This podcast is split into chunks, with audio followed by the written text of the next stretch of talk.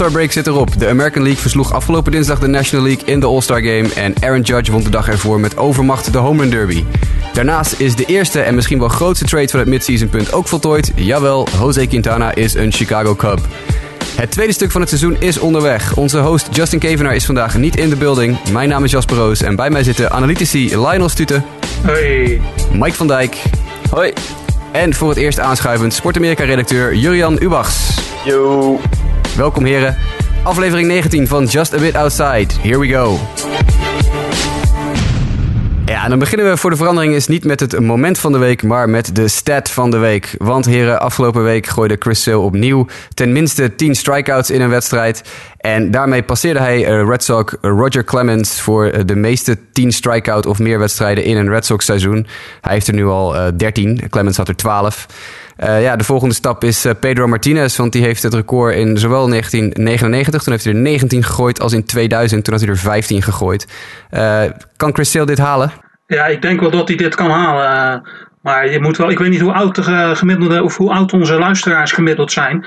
Maar voor de wat jongere luisteraars, je moet maar eens op Baseball Reference of iets dergelijks terugkijken naar de stats van Roger Clemens en Pedro Martinez. En dan kan je pas zien hoe goed Chris Sale is. Het is ongelooflijk dat deze mannen, Clemens en Martinez, gewoon gepasseerd kunnen worden. Het zijn de beste pitchers die er misschien wel ooit hebben rondgelopen. Het is echt, echt heel bijzonder dit. Dat is wel high praise, ouwe.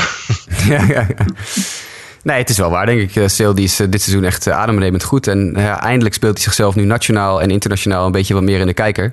Want de Red Sox hebben natuurlijk een iets grotere fanbase en een uh, iets grotere markt dan uh, de White Sox waar hij vandaan kwam. Dus ik vind het alleen maar mooi voor hem. Uh, nu is hij echt Hall of Fame bound als hij dit volhoudt, denk ik. Absoluut, absoluut. Mooi. Van het stat van de week gaan we naar het moment van de week. Mike, wat was jouw moment van de afgelopen week? Mijn moment van de afgelopen week was uh, afgelopen nacht, zaterdagnacht.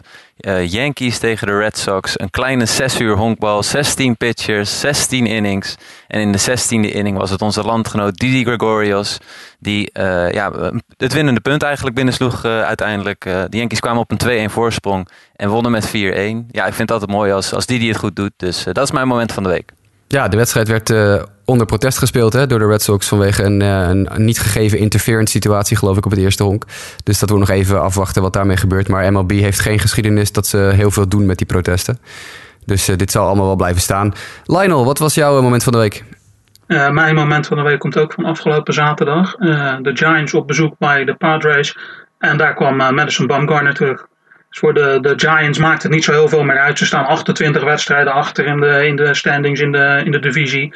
Maar het is toch wel lekker als uh, een van je sterren gewoon weer terug kan keren. Hè? En hij, hij deed het niet des Bumgarners, maar desondanks toch niet heel erg slecht. Dus misschien dat ze daar nog wat plezier in gaan beleven in de tweede helft van het seizoen.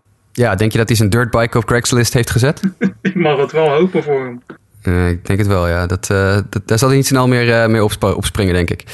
Jurian, welkom. Wat is jouw moment van deze week? In eerste instantie dacht ik aan de bases loaded walk van Chapman. Maar ik ga toch voor de... ook een terugkeer. Mike Trout is weer fit. Terug na de All-Star break teruggekomen in het outfield van de, van de Angels. En nou ja, tegenstelling tot de Giants zijn de Angels op zich nog op een plek... waar ze nog best, best de jacht zouden kunnen inzetten op de divisie. Of, um, of nou, de divisie wordt wel lastig, maar in ieder geval de wildcards. Dus wie weet als je, dat, dat Trout daar net, net op het juiste moment nog binnenkomt. En anders is het natuurlijk sowieso gewoon back om je, fijn om je, om je franchise-speler terug te hebben op het veld natuurlijk. Ja, dat sowieso. En ik denk dat de meeste neutrale fans ook wel heel blij zijn om Mike Trout weer op het veld te zien. Ik ben trouwens wel heel benieuwd, nu we, nu we er zo even over hebben. Denk je dat hij nog überhaupt kans maakt op de MVP? Lijkt me niet, hè, na zoveel, na zoveel tijd. Ik denk het wel. Ik denk het wel. Hij is er, vraag. Ja, zes weken is hij eruit geweest en hij was al zo buitenaards goed dat als hij, als hij hetzelfde nu voortzet wat hij in de eerste helft van zijn seizoen ook al deed, dan uh, wordt het nog interessanter. Ja, kijk, Aaron Judge, die ga je misschien niet meer achterhalen als hij dit volhoudt. Maar ik denk dat het nog wel uh, een top 5 finish er zeker in zit. Ja. Ja, misschien. Ik ben blij in ieder geval dat Mike Trout uh, terug is, want ik, ik zie hem graag spelen. Uh, mijn moment van de week. Ik heb er natuurlijk weer zoals altijd twee, want ik kan niet zo goed kiezen. Uh, ten eerste de cycle van Cody Bellinger. Afgelopen nacht, zaterdagnacht, sloeg Cody Bellinger de eerste cycle uit zijn carrière tegen de Miami Marlins. de triple kreeg hij een beetje goedkoop, want Giancarlo Stanton, die, dat zag er niet uit wat hij deed in het rechtsveld. Die liep voorkomen onder de bal door. En nou ja, toen kon Cody Bellinger zijn triple halen. Maar het neemt niet weg dat hij ja, in zijn eerste seizoen niet alleen 26 home runs slaat tot nu toe, maar ook al gewoon een cycle achter zijn naam heeft staan. hoe hoog reist de ster van van uh, Cody Bellinger deze, deze zomer, heren? Ja, hoog. Niet zo hoog als die van Judge, maar wel hoog. hebben we het hier over een, een NL Rookie of the Year kandidaat? Ja, tuurlijk. tuurlijk. Ja, zeker. Ja, dat kan haast niet anders. Ja, als, je, als, je in je eerste, als je in je eerste seizoen op dit moment al 26 home runs hebt geslagen en dan ook nog iets bereikt als de cycle, ja, dat is gewoon niet te ontkennen dat je heel indrukwekkend bezig bent. En hij, ja, voor de, in de line-up van de Dodgers is hij gewoon op dit moment de katalysator. Hij is ontzettend goed aan slag. Dus uh, ik vind uh, als, als, als je daar als rookie zo mee bezig bent, dan ben je zeker Rookie of the Year uh, candidate. En, en met dit druk kan hij blijkbaar ook goed omgaan. Want de LA Dodgers, super grote markt, heel veel druk op dat team om dit jaar nou eindelijk weer eens te gaan winnen. Ja, dat doen ze er ook. Ja, dat doen ze nu ook. Ja. Maar ze hebben natuurlijk de playoffs een aantal keer op rij gehaald, maar nooit uh, de playoffs succesvol overleefd. Maar nu gaat het echt om, uh, om de eindwinst. En ik denk dat deze jongen echt uh, ijswater in zijn in bloedvaten heeft. Want die is koud en kalm als een Eskimo. Mijn tweede momentje van de week is uiteraard de Jose Quintana trade. Uh, want niet alleen was dit voor het eerst sinds 2006 dat de White Sox en de Cubs weer een trade maakten. En dat gebeurt niet heel vaak. Het is eens in de zoveel jaar wel een keer raak. Maar het zijn meestal hele kleine trades die er gemaakt worden. De vorige keer in 2006 was het Neil Kotz voor David Artsma bijvoorbeeld. Nou, dat zijn er niet echt namen waarvan je van je stoel opspringt en denkt van wow, wat gebeurt hier? Maar Jose Quintana was dat natuurlijk wel. En Theo Epstein en de Cubs hebben, ja, denk ik, een hele uitgekookte move gemaakt. Maar om even wat dieper in die Quintana trade te gaan vliegen we eerst het blokje nieuws en notes in. En dan gaan we eens eventjes kijken wat de Cubs eigenlijk in huis hebben gehaald. MLB News and Notes. Folks, gigantic breaking news. This is huge news. The White Sox just tweeted it. Jose Quintana is on the Cubs. This just happened just now. Jose Quintana and his uh, his remarkable contract, his his incredible consistency, is now property of the Chicago Cubs. Holy hell. Ja, de Jose Quintana trade naar de Chicago Cubs. Laten we er maar gelijk uh, in knallen, heren. Uh, wat was de trade precies? Nou, dat zal ik heel kort even alvast inleiden. Uh, Jose Quintana, algemeen bekend, een van de meest waardevolle pitchers op de markt op dit moment. Zowel qua contract als qua prestaties werd al weken gekoppeld aan verschillende teams. We hebben de Brewers gehoord, we hebben de Braves gehoord, we hebben de Yankees gehoord. En de Cubs eigenlijk heel weinig. Pas één dag van tevoren begon het een klein beetje te rommelen. Van het is eigenlijk ook wel heel logisch als de Cubs uh, de Quintana gaan halen. Want die past goed in een rebuild. Hij is nog jong, hij is heel betaalbaar, heeft een heel goedkoop contract. Uh, en de Cubs hebben gewoon een van de slechtste starting rotations in, uh, in de Major League op dit moment. Die hebben ongelooflijk veel, ik geloof 80 runs tegengekregen in de eerste inning alleen al. Ja, als je natuurlijk iedere eerste inning zo ongeveer achter staat, dan komt er ook weer extra druk op je slagploeg te liggen. En ja, als een slagploeg dan al niet lekker draait, zoals die van de Cubs, dan ja, extra druk helpt dan ook niet. Dus de Cubs en de White Sox leken toch wel op papier een aardige match te zijn. Uh, en gelukkig uh, is het ook gebeurd. Uiteindelijk uh, werd de trade min of meer gebroken door Wetbutt23 op Reddit en Katy Perry's Booty Hole op Reddit. Dat waren de gebruikersnamen van de twee ja, media outlets die hem als eerste hadden. maar de alle andere reguliere media outlets hadden hem niet. Want de trade werd gebroken op internet door het White Sox Twitter account. Het gebeurt in deze tijd natuurlijk ook niet heel veel meer dat het niet uitlekt of wat dan ook. Um, maar heren, wat, wat vinden we van deze trade? Laten we even heel kort afgaan. Wat vinden jullie van deze trade vanuit het Cubs perspectief? Begin ik bij Jurian. Ik snap het niet. Ik, uh, weet je, jij noemt uh, Quintana net een van de meest waardevolle pitchers op de markt. Nou, als je daar, daar op de markt bij zet, dan is dat wellicht waar. Ik vind Quintana verder um, niet een ace. Ik vind hem, um, ja, als hij in vorm is, een goede nummer twee. Ik denk in, bij heel veel teams een, een, een nummer drie. Uh, in, in, in zijn kwaliteit. Dat maakt hem nog steeds wel gewoon een van de betere pitchers in de MLB, maar niet een, een echte topguy. En als ik kijk naar de Cubs, dan zie ik een team waar heel erg veel talent in zit. Zowel in, in, in, in armen als in, als, in, als in knuppels.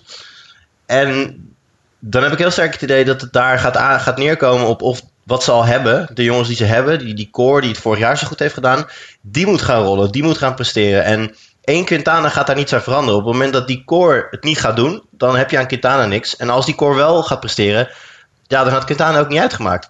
ze hebben de kwaliteit al. En als je dan uh, zoveel talent moet opgeven, ja, ik, uh, ik, ik vind het moeilijk. Ik, ik ben er niet direct heel positief over. That said, uh, heb ik uh, naar aanleiding van deze trade ook een beetje terug zitten kijken van wat voor, wat voor andere trades zijn gemaakt. En eigenlijk is deze trade bijvoorbeeld heel vergelijkbaar met wat de Red Sox in 2013 hebben gedaan toen zij niet bovenaan de divisie stonden. Toen vlak voor de deadline Jake Peavy hebben opgepikt. Die op dat moment ook niet meer de, de, de Cy Young kandidaat Peavy was die die, die, die, die ooit is geweest.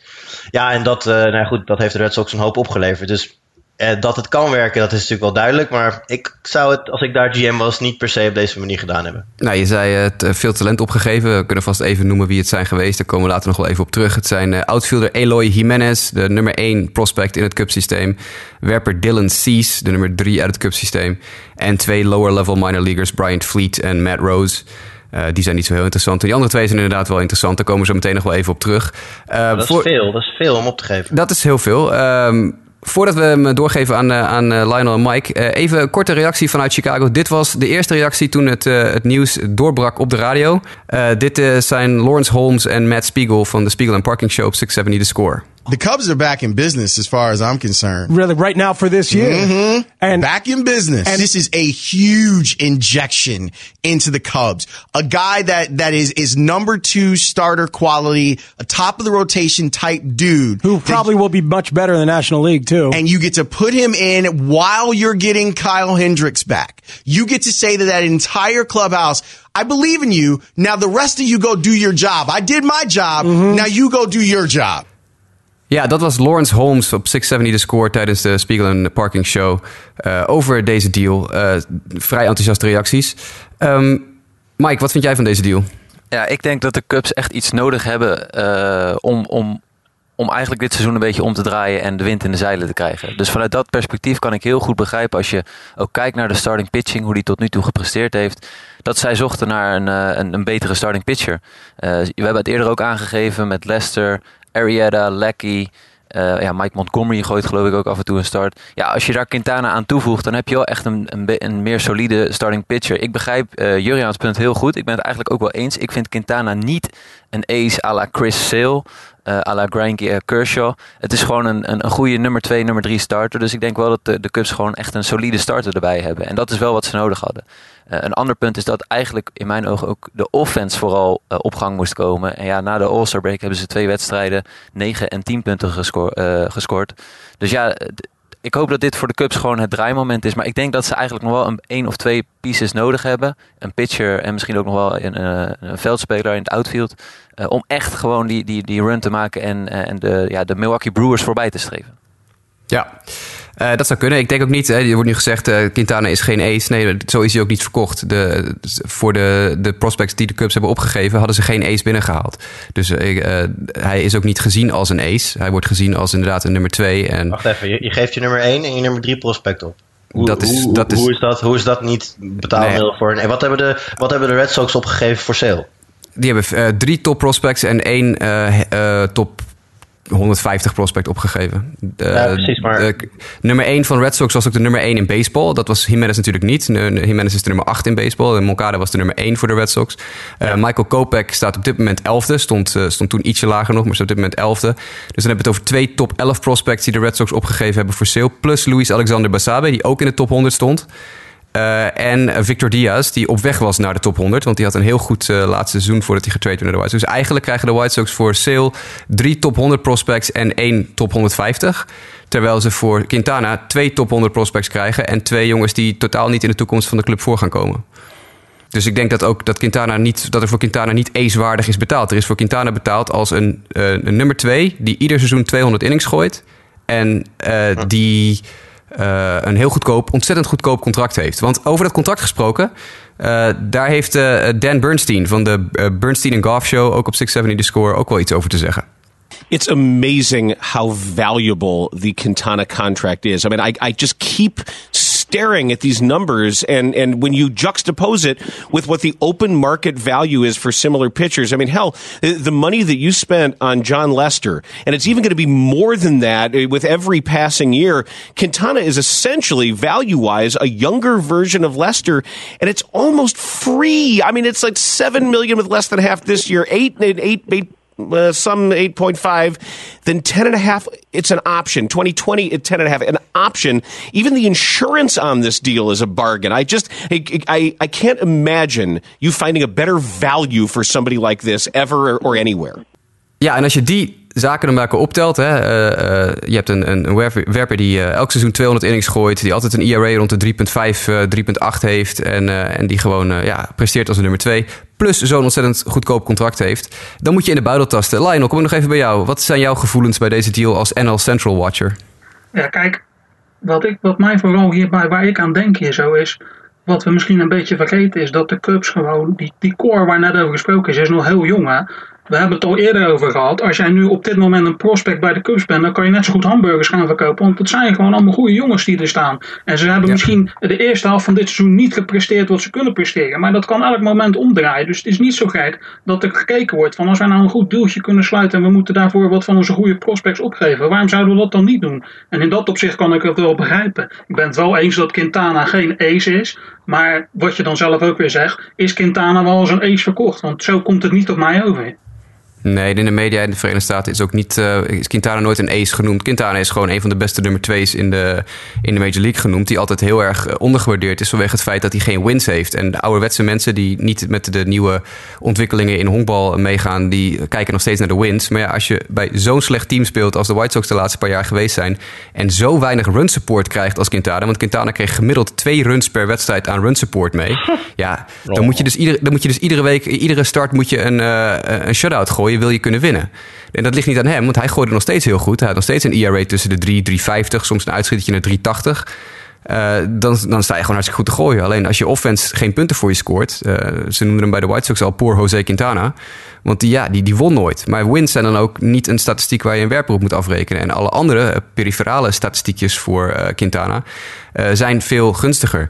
Natuurlijk hebben we ook Jed Hoyer, de GM van de Cubs. Die kwam ook even op de radio uitleggen waarom ze eigenlijk deze tra trade gemaakt hebben. En waarom het eigenlijk een heel logische trade was voor de Chicago Cubs. Jed Hoyer. Quintana was right at the top of our list of guys that we hope to acquire. You know, it makes sense for us far beyond 2017. You know, now we have you know we have Quintana through 2020. You know, with this young group. Uh, so for us, it was about this is the right moment to strike. Uh, we've been having these kind of discussions and talking about these kind of starting pitchers, and there's only a handful of guys out there that that fit the bill, and you know everyone kind of knows who those guys are, and they're hard to acquire. So when we had a chance to get one, we felt like it was the right time to act. Not only can we get the, the, the contract, but we also have a chance to go out and do some other things because it gives us some freedom. Dat was Jed Hoyer over waarom het logisch is uh, dat Quintana gehaald is voor dit seizoen, maar ook vooral voor erna. Uh, en dan heb je altijd te maken natuurlijk met, je maakt een deal, die maak je met een ander team samen. Uh, en daar had Jed Hoyer ook nog even over te zeggen, want hij zei eigenlijk van het is voor beide teams heel logisch. I think for the White Sox, I think it makes a lot of sense. You know, right now they're in the, the same type of window that we were in and you know, 12, 13, and 14. And I think for them, you know, the prospects mean more to them uh, than they do to us right now. And uh, I think that, you know, Quintana means more to us than he does to the White Sox right now. So I just think the logic of the deal Um, it made a lot of sense. Ja, en dan hebben we het over het tweede team. En dan gaan we het nu natuurlijk de trade even belichten vanaf de White Sox kant. Want ja, we weten allemaal uh, inmiddels, daar is vaak genoeg over gesproken hier in de podcast, dat de White Sox een van de rebuildende teams zijn in de Major Leagues. Die zijn alleen maar op zoek naar nieuw jong talent dat over twee of drie jaar uh, ja, succesvol kan zijn in Chicago. Ze doen het wat dat betreft een beetje zoals de, uh, de Cubs het een paar jaar geleden aanpakten. Al het, al het Major League talent eruit en al het jong talent erin. Um, Vanaf de, vanaf de White Sox kant gezien. Uh, ik kan er natuurlijk heel veel over zeggen, maar ik ben vooral geïnteresseerd in wat jullie er als, uh, als neutrale buitenstaanders van, uh, van vinden. Mike, kan jij als eerste even iets zeggen over de, het resultaat voor de White Sox van deze trade? Ik denk dat het gewoon wel een goede fit is, precies van hoe een trade normaal gesproken is. Je hebt de Cubs die gewoon een, een, een push willen maken. En de White Sox die vooral kijken naar rebuilding en uh, ja, future talent. En in die zin hebben zij dus nu gewoon echt uh, ja, drie talenten erbij gekregen. Uh, die een hele rooskleurige toekomst volgens de scouts en dergelijke. En volgens jou tegemoet gaan. dus ik kan het vanuit hun perspectief heel goed begrijpen dat ze dan keken naar wat, waar kunnen we het beste talent krijgen. En dan zijn wij bereid die deal te maken. Dus ik begrijp het vanuit hun perspectief heel goed. Ja, Jurian, je zei uh, in de voorbespreking dat je vond dat er te veel uh, opgegeven was. Kan je uh, vanuit de White Sox zien waarom ze voor deze jongens gegaan zijn? Ja, tuurlijk. Bedoel, dat dit, is natuurlijk wat, je, wat, wat al gezegd wordt. Dit is al veel langer bezig. Ehm, eigenlijk op het moment dat Sale naar de Red Sox vertrekt, weet je al dat de White Sox sowieso vrij weinig gaan doen eh, dit seizoen. Dus nou, dan, dan, dan, ga dan begin je het seizoen en dan wellicht gebeurt er een wonder en, en sta je er goed bij halverwege. Maar dat is niet het geval en dat, dat, denk, ik ook, Nee. dat denk ik ook niet echt iemand verwacht ook. Ehm, ja, als je dan een, een, een, een speler hebt als Quintana die, die, die duidelijk beter presteert dan de rest en, en die waardevol kan zijn voor een team dat, eh, dat wel richting de, de, de playoffs kan. Dan eh, denk ik dat het een no-brainer is als je inderdaad de, de nummer 1 en de nummer 3 prospect van een, eh, van, een, eh, van een andere club kan overnemen. En je hebt al eh, jongens als eh, Moncada en zo eh, in, in de gelederen. Maar dan denk ik dat, eh, dat de toekomst bij de White Sox over inderdaad twee, drie jaar best eens leuk uit zou kunnen zien. Dus heel logisch vanuit, vanuit hen. eh, prima deal, echt heel goed gedaan. Vanuit, eh, eh, we hebben natuurlijk Jed Hoyer gehoord, eh, de GM van de Cubs. Uiteraard was Rick Hahn, de GM van de White Sox, ook eventjes bereid om in te bellen naar een radioprogramma. En om even iets te zeggen over hoe hij eh, Eloy Jimenez en Dylan Cease vooral ziet. In some ways, we equated it in with Cease and Jimenez to getting Moncada and Kopech about a year earlier than we did in terms of where they are in their development. We view them both as having that type of potential upside.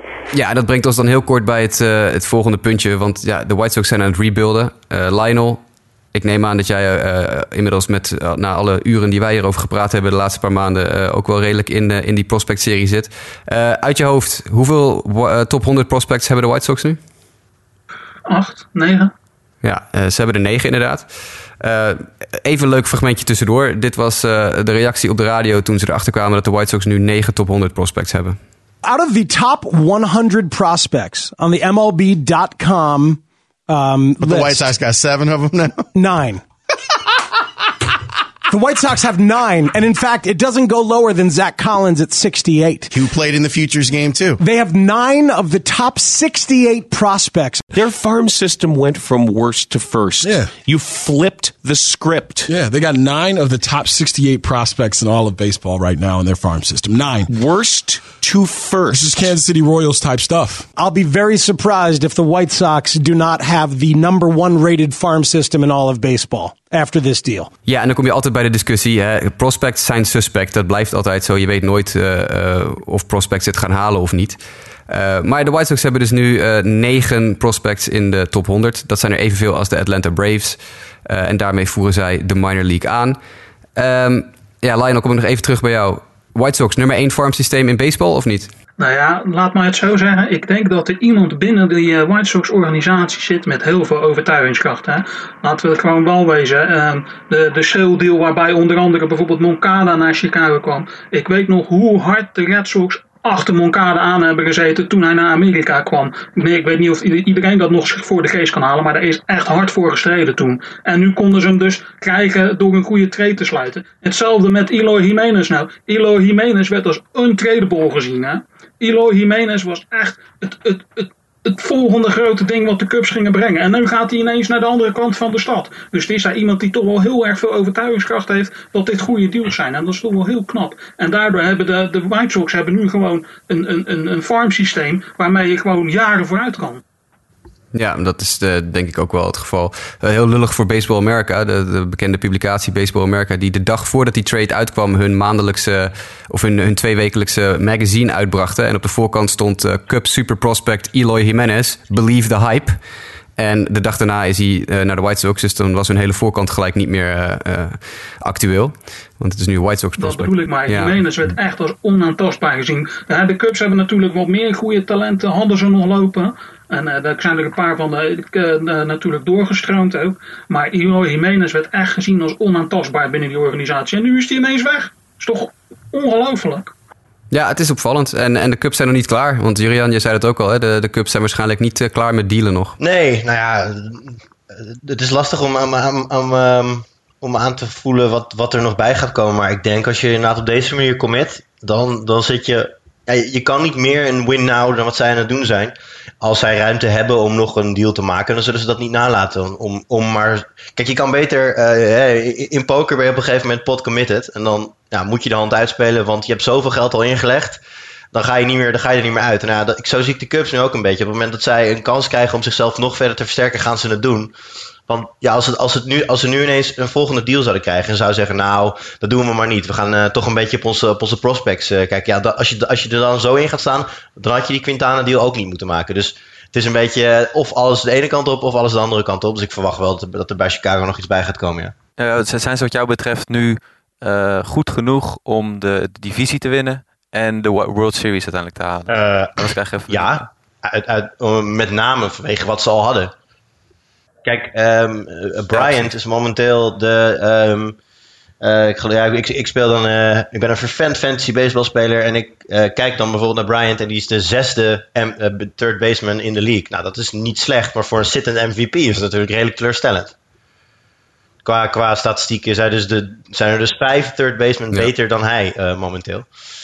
Ja, dat zijn, dat zijn de jongens die, die, die, die eh, dus eh, een Bryant, een Rizzo, eh, misschien als, als Schwarber weer een beetje in vorm gaat komen, dat die ook nog een, een bijdrage kan leveren. Die jongens, de slagploeg, die, die moet echt gas gaan geven. Daar, en, en, als, en als ze dat gaan doen, dan, dan vind ik ze absoluut kampioenwaardig.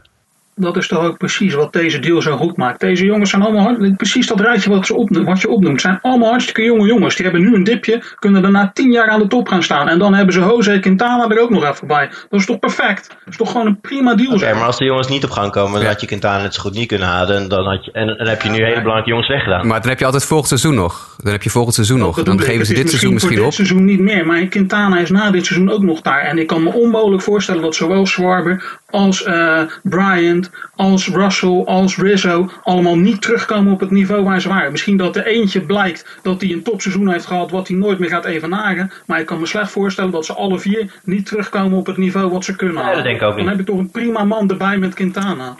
Ja, je hebt het over een window hè, voor de Cubs. Het is, de, de window is niet één seizoen. Kijk, ze hebben afgelopen seizoen gewonnen. eh, maar eigenlijk willen ze gewoon vier, vijf, zes jaar achter elkaar eh, meedoen voor de prijzen. En ja, het kan altijd een keer een seizoen even tegenzitten, zoals nu. eh, op wat voor manier dan ook. Maar dan heb je in ieder geval wel nog, nog drie jaar hierna Quintana eh, in je starting rotation. En ze, ze raken Arietta kwijt waarschijnlijk.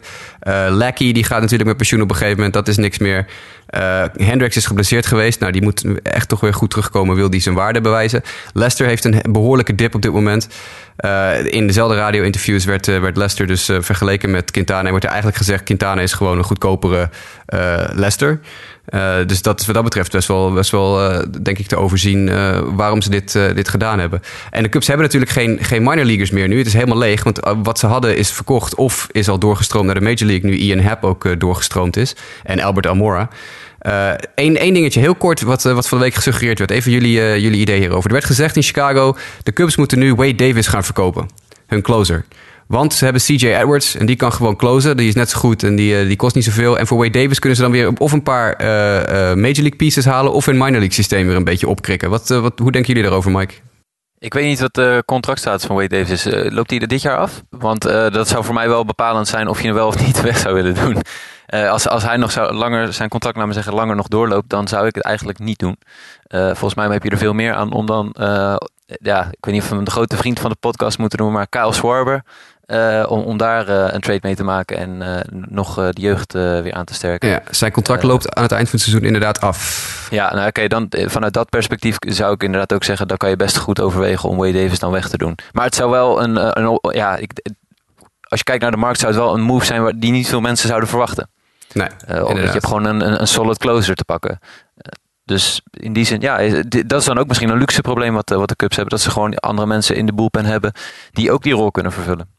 Ja, nou ja, CJ Edwards was dan vooral genoemd als eh, opvolger voor Wade Davis.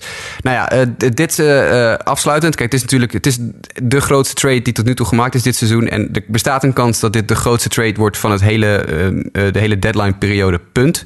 Want de vraag is maar welke spelers qua prospect eh, hoger zullen staan dan Jiménez en Cees die van club zouden veranderen. Of welke spelers die, waar zoveel over gepraat is en zoveel over gesproken is dan eh, als José Quintana. Of daar nog iets eh, overheen gaat. Er worden wel wat namen genoemd, komen later in de show nog even op terug. Ik wil dit blokje afsluiten met een, een quote van Dan Bernstein van 670 The Score. Hoe hij tegen deze trade aankijkt van, van beide standpunten. Both sides gangstered this. Goed, dan laten we José Quintana en eh, de Cubs White Sox trade eventjes eh, achter ons. Want er gebeurde de afgelopen week ook nog andere dingen daadwerkelijk op een honkbalveld. We hadden namelijk de All-Star Game. En in de All-Star Game uh, ja, versloeg de American League de National League. Dat weten we inmiddels allemaal wel. Maar Mike, wat, wat vonden wij van de All-Star Game? Het was een, een weinig memorabel duel. Om het maar kort ja, kort te zeggen, ja, 2-1. Uh, het was echt een wedstrijd in mijn ogen die heel erg in het teken staat van wat je ziet tegenwoordig in de MLB. Dus dominante pitching die weinig uh, toegeeft. Uh, en als er punten gescoord worden, dan zijn het home runs. En drie van de runs die gescoord werden, of de twee van de drie runs waren home runs. Uh, dus ja, dat was uh, wat, wat ik heb gezien. Uh, ik vond het wel mooi dat ze voorafgaand aan de wedstrijd MLB nog even stilstond bij de wat Latin, Latijns-Amerikaanse legends. De ceremonial first pitch werd door een groot aantal namen gedaan. Onder andere Pudge Rodriguez en Pedro gooiden een bal. Dus, en ik vond het wel, wat mij positief opviel, was het puntje dat gescoord werd door Jonathan Schoop. Dus ja, uiteindelijk denk ik wel terecht de winnaar. maar ik, ik, ik, ik, denk dat we heel weinig gaan herinneren van deze, deze All-Star Game, als je het mij vraagt. Ja, dat denk ik ook. Uh, Lionel, wat, uh, wat heb jij gezien uh, in de All-Star Game, wat je opviel? Ja, vrij weinig als ik heel eerlijk ben. Ik ben eigenlijk sinds het jaar 2000 al een beetje afgehaakt met de All-Star Game. Ik vind de All-Star Game, het is een leuke break voor het midden van het seizoen, maar ja, ik vind het al een tijdje niet meer echt ergens over gaan als ik heel eerlijk ben. En dat, ik vond deze All-Star Game daar toch alweer een klein beetje een voorbeeld van in dat opzicht. Nou, het was het eerste, de eerste keer in jaren dat de All-Star Game niet ergens omging. De, de, de, het home field advantage in de World Series staat niet meer eh, op de kaart dit jaar. Dus de sfeer was beduidend uh, relaxter, denk ik. Ik weet niet, uh, Julian, heb jij, zijn daar dingen die jou opgevallen zijn op dat gebied? nee, want ik heb net als voorgaande jaren geskipt. Ja, oké. Nou, dan kan ik mooi inhaken. Uh, wat wel interessant was, we hadden het een paar weken geleden de podcast over de, de in het veld gebouwde microfoons. Uh, dat weten uh, Lionel en Mike misschien nog wel, dat MLB wilde gaan experimenteren met microfoons in het veld. En dat is daadwerkelijk gelukt. je kon dus bijvoorbeeld ook Max Scherzer in de eerste inning horen kreunen. Dat is alsof, alsof er een tenniswedstrijd aan de gang was. iedere pitch die hij gooide kwam er echt een oerkreet uit bij. Nou, blijkbaar doet hij dat wel vaker, maar dat hoor je normaal gesproken op tv niet. En nu dus wel, omdat er wat microfoons dichter bij hem stonden. En, uh, en ja, de interviews waren wat, uh, wat meer in your face. Zo werd uh, José Altuve echt, terwijl hij naar het slagperk liep om de wedstrijd te openen, werd hij nog geïnterviewd door Ken Rosenthal. en tussen de innings door, als de spelers aan het opwarmen waren in het veld, dan liep Alex Rodriguez gewoon door het veld. Die begon op het eerste ook met Ryan Zimmerman te praten. Dan liep hij naar Daniel Murphy. En dan liep hij daarna een korte stop naar Carlos Correa. Weet ik veel hoe het allemaal zat. dus hij is iedereen, of Zach Kozart was dat natuurlijk. hij is iedereen afgegaan in het infield om eventjes een kletspraatje mee te maken. Uh, terwijl er gewoon warm gespeeld werd. En in, later in de wedstrijd werden George Springer en Bryce Harper kregen een microfoon omgehangen. En tijdens de wedstrijd werden die geïnterviewd door uh, commentatoren John Smoltz en Joe Buck. Uh, dat zie je natuurlijk in een gewone wedstrijd niet heel veel. En dat voegde dan wel weer wat toe. Dat had met honkbal niet zo heel veel te maken. Maar het entertainment, de entertainmentwaarde was, was daar wel, denk ik. Um, ik weet niet, voor de mensen die het gezien hebben, wie had de slechtste All-Star Game van het hele festijn? zeg jij het maar, ik zou niet weten welke naam je op zin speelt. Uh, The Freeze. Oh, ja, die moest, die moest ook nog lopen geloof ik Ja, The Freeze, uh, de Atlanta Braves uh, in Between Innings Entertainment is opgeroepen naar de All-Star Game. En die mocht ook tussen de innings door een wedstrijdje rennen. En die verloor dik, echt heel dik. Dat was zijn ergste verliespartij van het, zijn verliesrace van het hele jaar. Dus de Freeze had een, een heel slechte All-Star game. Snel als dat hij bekend werd, gaat hij ook weer eraf eigenlijk. Ja, ik, ik, weet niet hoe het zit. Het schijnt dat, het, dat hij niet dezelfde mensen bij zich hadden, had die normaal gesproken timen. Hè. Het is meestal timen zo ongeveer wanneer hij mag gaan lopen. Uh, en blijkbaar uh, had hij zowel een heel goede renner tegen zich nu als een, uh, een team om zich heen dat hem veel te laat instartte, waardoor hij niet eens in de buurt kwam bij die jongen. dus ja, de Freeze had met afstand de slechtste All-Star game. Um, laten we de All-Star Game voor wat hij was. We gaan namelijk even nog een dagje eerder naar de Home Run Derby. Ja, want dat, was, dan wel weer een wel enorme show. Ja, ja dat, joh, was een, dat was een show van je welste. All right. All right. ja, Aaron Judge. Ja, nou Julian, ga je gang. Uh, schitterend. Ik bedoel, dit, dit, seizoen staat in de American League natuurlijk sowieso al een beetje een teken van de, de, de, de doorbraak van Judge. En dat is uh, uh, in de All-Star. Eigenlijk van tevoren al met, met de, toen we de, de loting zagen van. Moest hij niet in de eerste ronde gelijk tegen Boer? Ja, tegen Justin ja. Boer. Ja. Mijn, mijn, mijn selectie, voor, ja. mijn pick voor de winst. Ik weet nog dat ik met een aantal mensen over had van oké, okay, wie gaat er winnen? En toen zei hij al gelijk van ja, echt wel jammer dat Boer gelijk tegen, tegen Judge moet. Want, want, want dan verlies je toch wel. En ik vind het heel knap dat je als rookie gewoon iedereen gewoon en fucking goed speelt de hele eerste seizoen zelf. En dan ook nog die, die, bal even achterloos uh, een keer of 6000 uh, het stadion uitslaat. Ja, de, deze man, uh, deze man is, is voor de komende 10, 15 jaar gaat dit de, de, de, de man, een van de uithangborden van de, van de MLB zijn. Samen met, nou ja, wat, wat, wat vroeger voor, voor, ehm, voor de Yankees Alex Rodriguez was. Dat gaat gewoon Judge de komende tien jaar zijn. Ja, het was neemt om naar te kijken. Heel veel 500 voet en verder. En ik wil toch een lans breken voor mijn man Justin Boer... die ik vorige, eh, vorige week in de podcast uh, aanwees als potentiële kanshebber. Want ondanks dat hij inderdaad verloor van Judge... Uh, van iedereen had hij anders gewonnen. En het was de vijfde meest indrukwekkende home run performance in de, in de geschiedenis van de home run derby. Er zijn slechts vier spelers geweest die er meer sloegen in de eerste ronde dan Justin Boer dit jaar deed. En, waarvan Judge er één is. Ja, waarvan Judge inderdaad nummer vier. Hij was nummer vijf, Judge was nummer vier. En dan zat geloof ik Bobby Abreu en Josh Hamilton zaten er nog onder andere boven. Uh, die legendarische performances van Abreu in Detroit en uh, Hamilton, ik geloof was het bij in het Rangers Stadion? Nou, dat weet ik niet meer. Uh, maar goed, Boer had dus wel een geweldige performance. Uh, ja, tegen Judge is niet, uh, ben je niet opgewassen. Lionel, wie had jij ook alweer gekozen als Dark Horse winnaar? Nou ja, ik wil net aan Mike vragen. Mike, wil jij ook een, een lans breken voor Mike Moustakas? Want ik laat mijn lans voor Charlie Blackman gewoon lekker in de tas zitten. ik, ik, ik vermoed dat ze mijn pick Mike Moustakas gewoon uitgelegd hebben dat je de minst aantal home runs moest slaan en dat je dan zou winnen. Want dat had hij de eerste ronde. En dat was inderdaad... Hij wilde gewoon naar huis. Ja. Hij wilde gewoon naar huis. Ja, ja, nee, daar valt ook geen lans voor te breken, uh, Lionel, nou, ja, we hadden allebei een prima case. Hè? Mannen die goed uh, in vorm waren. En het zou allemaal, als het goed zou vallen, wel, uh, het zou misschien wel wat kunnen worden. Maar er viel geen bal goed. Zowel niet voor Boestakas als voor Blackman. En ze waren eigenlijk zo naar huis allebei. Ik, ik moet wel lachen, want in, in eerste instantie overwoog ik dus te gaan voor Gary Sanchez. En ik had nooit gedacht dat hij in de eerste ronde Giancarlo Stanton zou verslaan. Nee, dat maar was dat geweldig, ja. Ja, en dan had je dus de tweede ronde, waarbij de, de mensen die over waren, Miguel Sano, uh, Gary Sanchez, Aaron Judge en Cody Bellinger. We hebben hier dus drie van de vier spelers die pas een jaar MLB-ervaring ongeveer hebben. Ja, ja de nieuwe generatie is daar. Ja. Het is toch ongelooflijk. En uh, ja, Judge, Judge, de show die Judge heeft op, ja, vertoond, de home runs, het, het was echt ongelooflijk om te zien. En daar, ja, Lionel's punt, wat hij dan altijd maakt, uh, je wil echt verbaasd worden. Ik heb daar echt naar zitten kijken en dan denk je echt, wauw, dit is echt super indrukwekkend. Ja. Ja, we moeten nog een eervolle vermelding doen aan Justin. Hij is er helaas niet bij, maar hij koos voor Miguel Sano. En die heeft dus daadwerkelijk inderdaad de finale gehaald. Uh, dus wat dat betreft uh, had Justin ook nog wel vakwerk. wat uh, ja, had, vakwerk afgeleverd, inderdaad. Ik ben nog steeds gefrustreerd over Justin Boer, want ik had het de jongen zo gegund. Ik heb zo gelachen om die. De, op een gegeven moment nam hij een time-out en toen kwam teamgenoot Giancarlo Stanton hem even een donut voeren. En ja, de, hij maakte er echt een geweldige show van Boer. Hij stond het publiek op te pompen en het was natuurlijk een thuiswedstrijd voor hem. Het was, hij heeft er een schitterend showtje van gemaakt. Dus ik had het hem gegund als hij nog een ronde verder kon. Maar ja, het is inderdaad tegen Aaron Judge en dat, die kanonskogels. Dus ja, daar kan je, kan je niet tegen aanslaan, denk ik. Um, laten we de All-Star Break eventjes uh, voor wat het is, heren. Want uh, het was niet alleen goed nieuws en leuk nieuws en interessant nieuws. Want uh, er was ook wat negatiever nieuws. Colby Rasmus heeft besloten om ja, min of meer voorlopig of voor onbepaalde tijd zich te verwijderen van de honkbalwereld. Jurian, heb jij iets meer informatie over Colby Rasmus?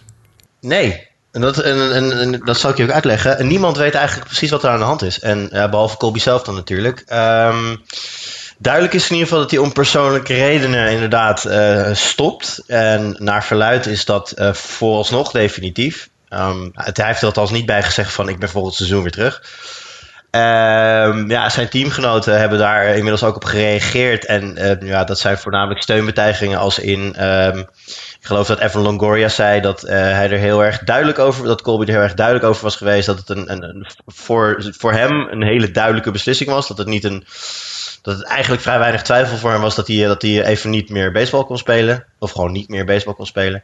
Um, ja, wat daar dan precies de reden van is, of, of we het in. Uh, of we het in familiair leed moeten zoeken, of dat het uh, tussen de oren iets is. Ik, bedoel, ik, ik meen dat zijn broertje om vergelijkbare redenen ook al is gestopt op een heel vroeg moment in zijn carrière. Um, heel veel vraagtekens vooral. En ik begrijp ook dat er nog spelers van de race waren die ja, nog in gesprek met hem willen kijken of hij niet toch uh, teruggehaald kan worden.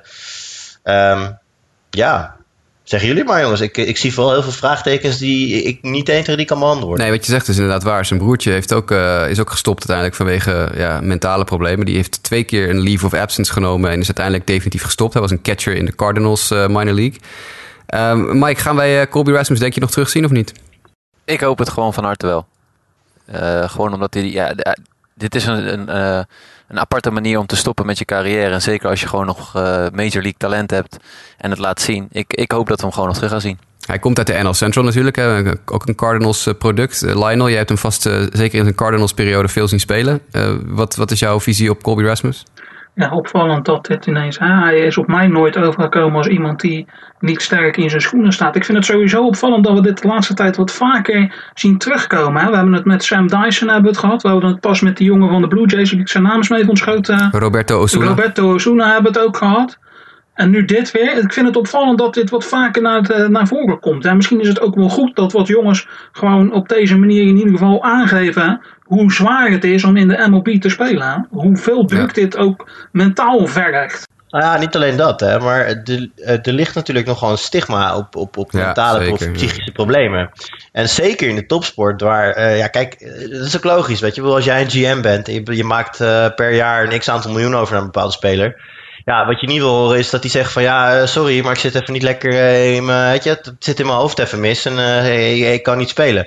Tegelijkertijd is het een heel erg normaal probleem. Ik, ik, heb er geen cijfers van, maar volgens mij een, een aanzienlijk deel gewoon van de wereldbevolking kampt met dat soort problemen. Het is de normaalste zaak van de wereld. Dus in die zin vind ik het heel goed dat, dat, dat jongens daar gewoon voor uitkomen. Dat, het, dat er niet een een of ander vals smoesje en een 60 eh, dagen DL uh, uh, aan te pas komen. Dat hij gewoon zegt van, nee, weet je, ik ben gewoon nu niet in staat om te baseballen. En ja, goed, hij heeft dan niet verteld wat ik ook net zei. Het is dus onduidelijk wat er exact aan de hand is. het lijkt dat het in die richting gezocht moet worden.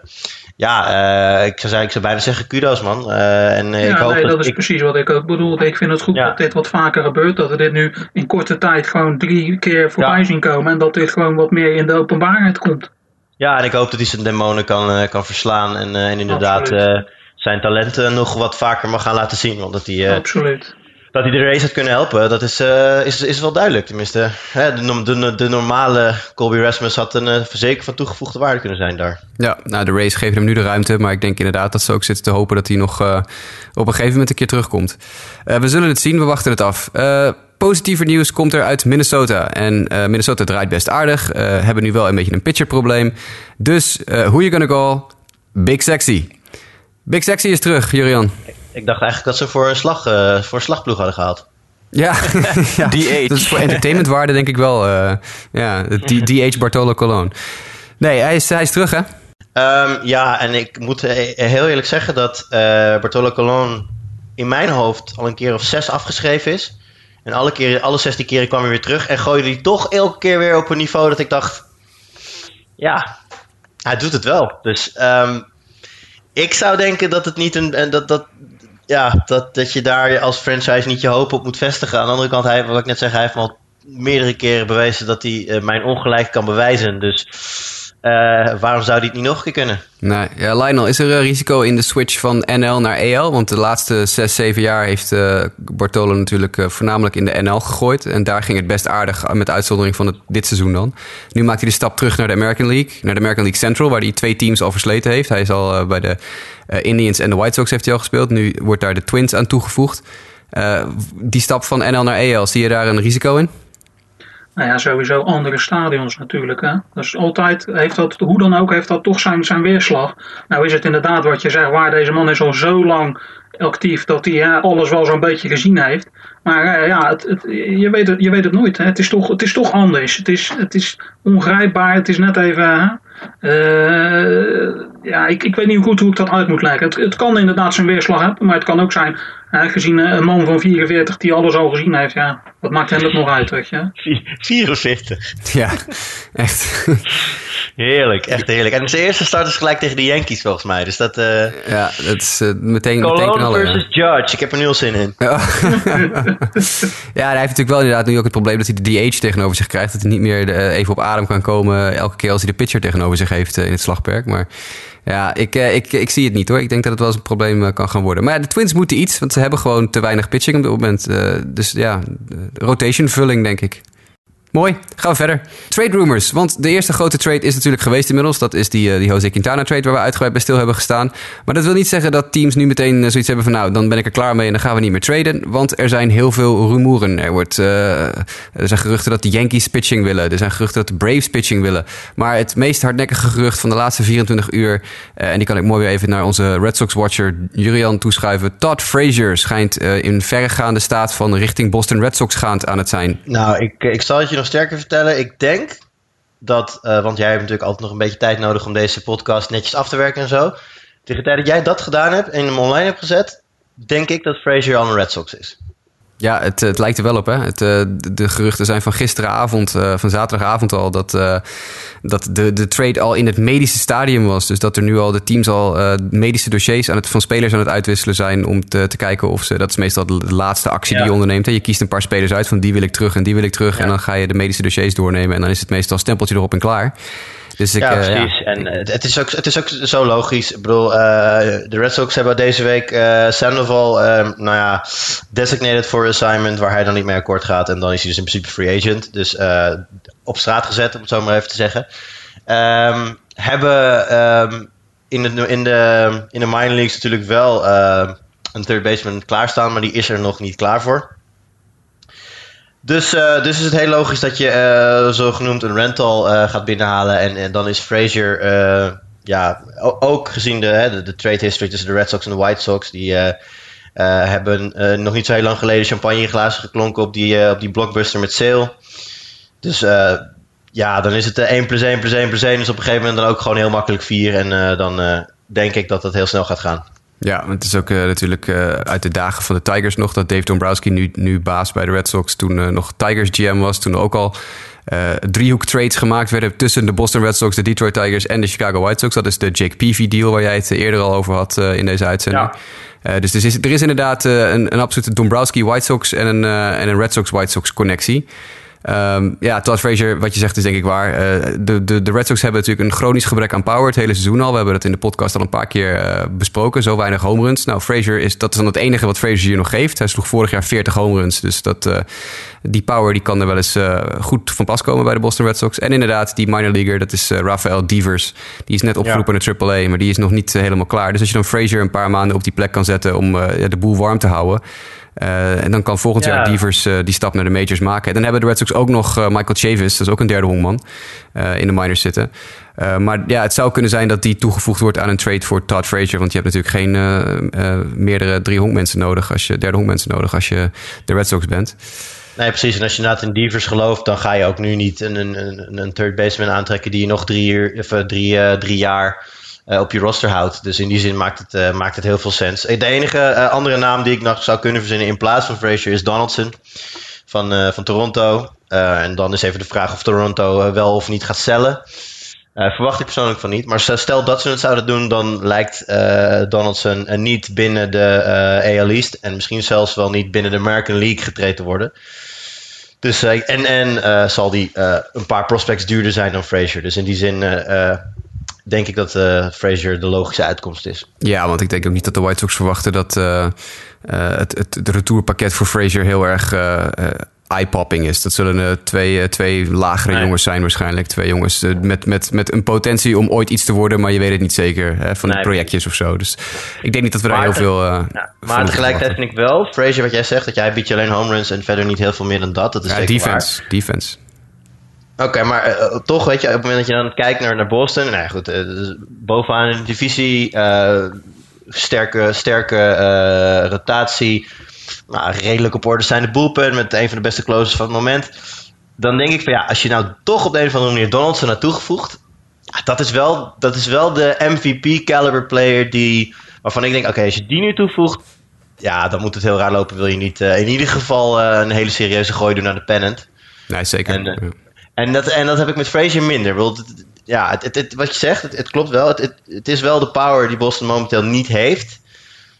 Ja, maar het is ook weer niet. Het, het, weet je, zoals ik met Quintana heb. Het is ook weer niet dat ik in één keer denk van oké, bam, nu is het klaar. Weet je? Oh nee, deal. Frazier is zeker eh, eh, op een heel ander niveau. Quintana is echt een toevoeging aan een team. En Frazier kan in dit geval een toevoeging zijn. Maar is daar, daar zijn inderdaad eh, alternatieven voor. Daar heb je een- inderdaad een Donaldson. Maar ik denk gewoon niet dat de Blue Jays ten eerste Donaldson, wat je ook al zegt, naar de Red Nee. Sox laten gaan. En ten tweede, de Red Sox hebben gewoon niet meer de prospects nu om Donaldson te halen. Want ze zijn ze allemaal al kwijt. Eh Divers, Divers gaan ze niet Frazier is wegdoen. gewoon de beste available. Ja, precies. Divers gaan ze echt niet wegdoen. Ja, er zitten er nog twee of drie in die top vijf van de Red Sox die ze of niet weg gaan doen... of die gewoon niet goed genoeg zijn om eh, Donaldson binnen te halen.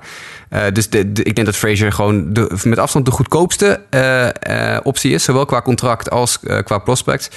Eh, en ja, hele goede defense op drie, want dat wordt wel eens vergeten. Tot Frazier, dat kan Lionel vast ook nog wel over meepraten uit zijn Reds dagen. is een fantastische defensieve derde honkman. En ja, en hij slaat bommen. En meer heb je niet nodig, denk ik, als je de Red Sox bent op dit moment. Ehm, gaan we even verder. Want er is ook inmiddels iets over Jeff Samardzija.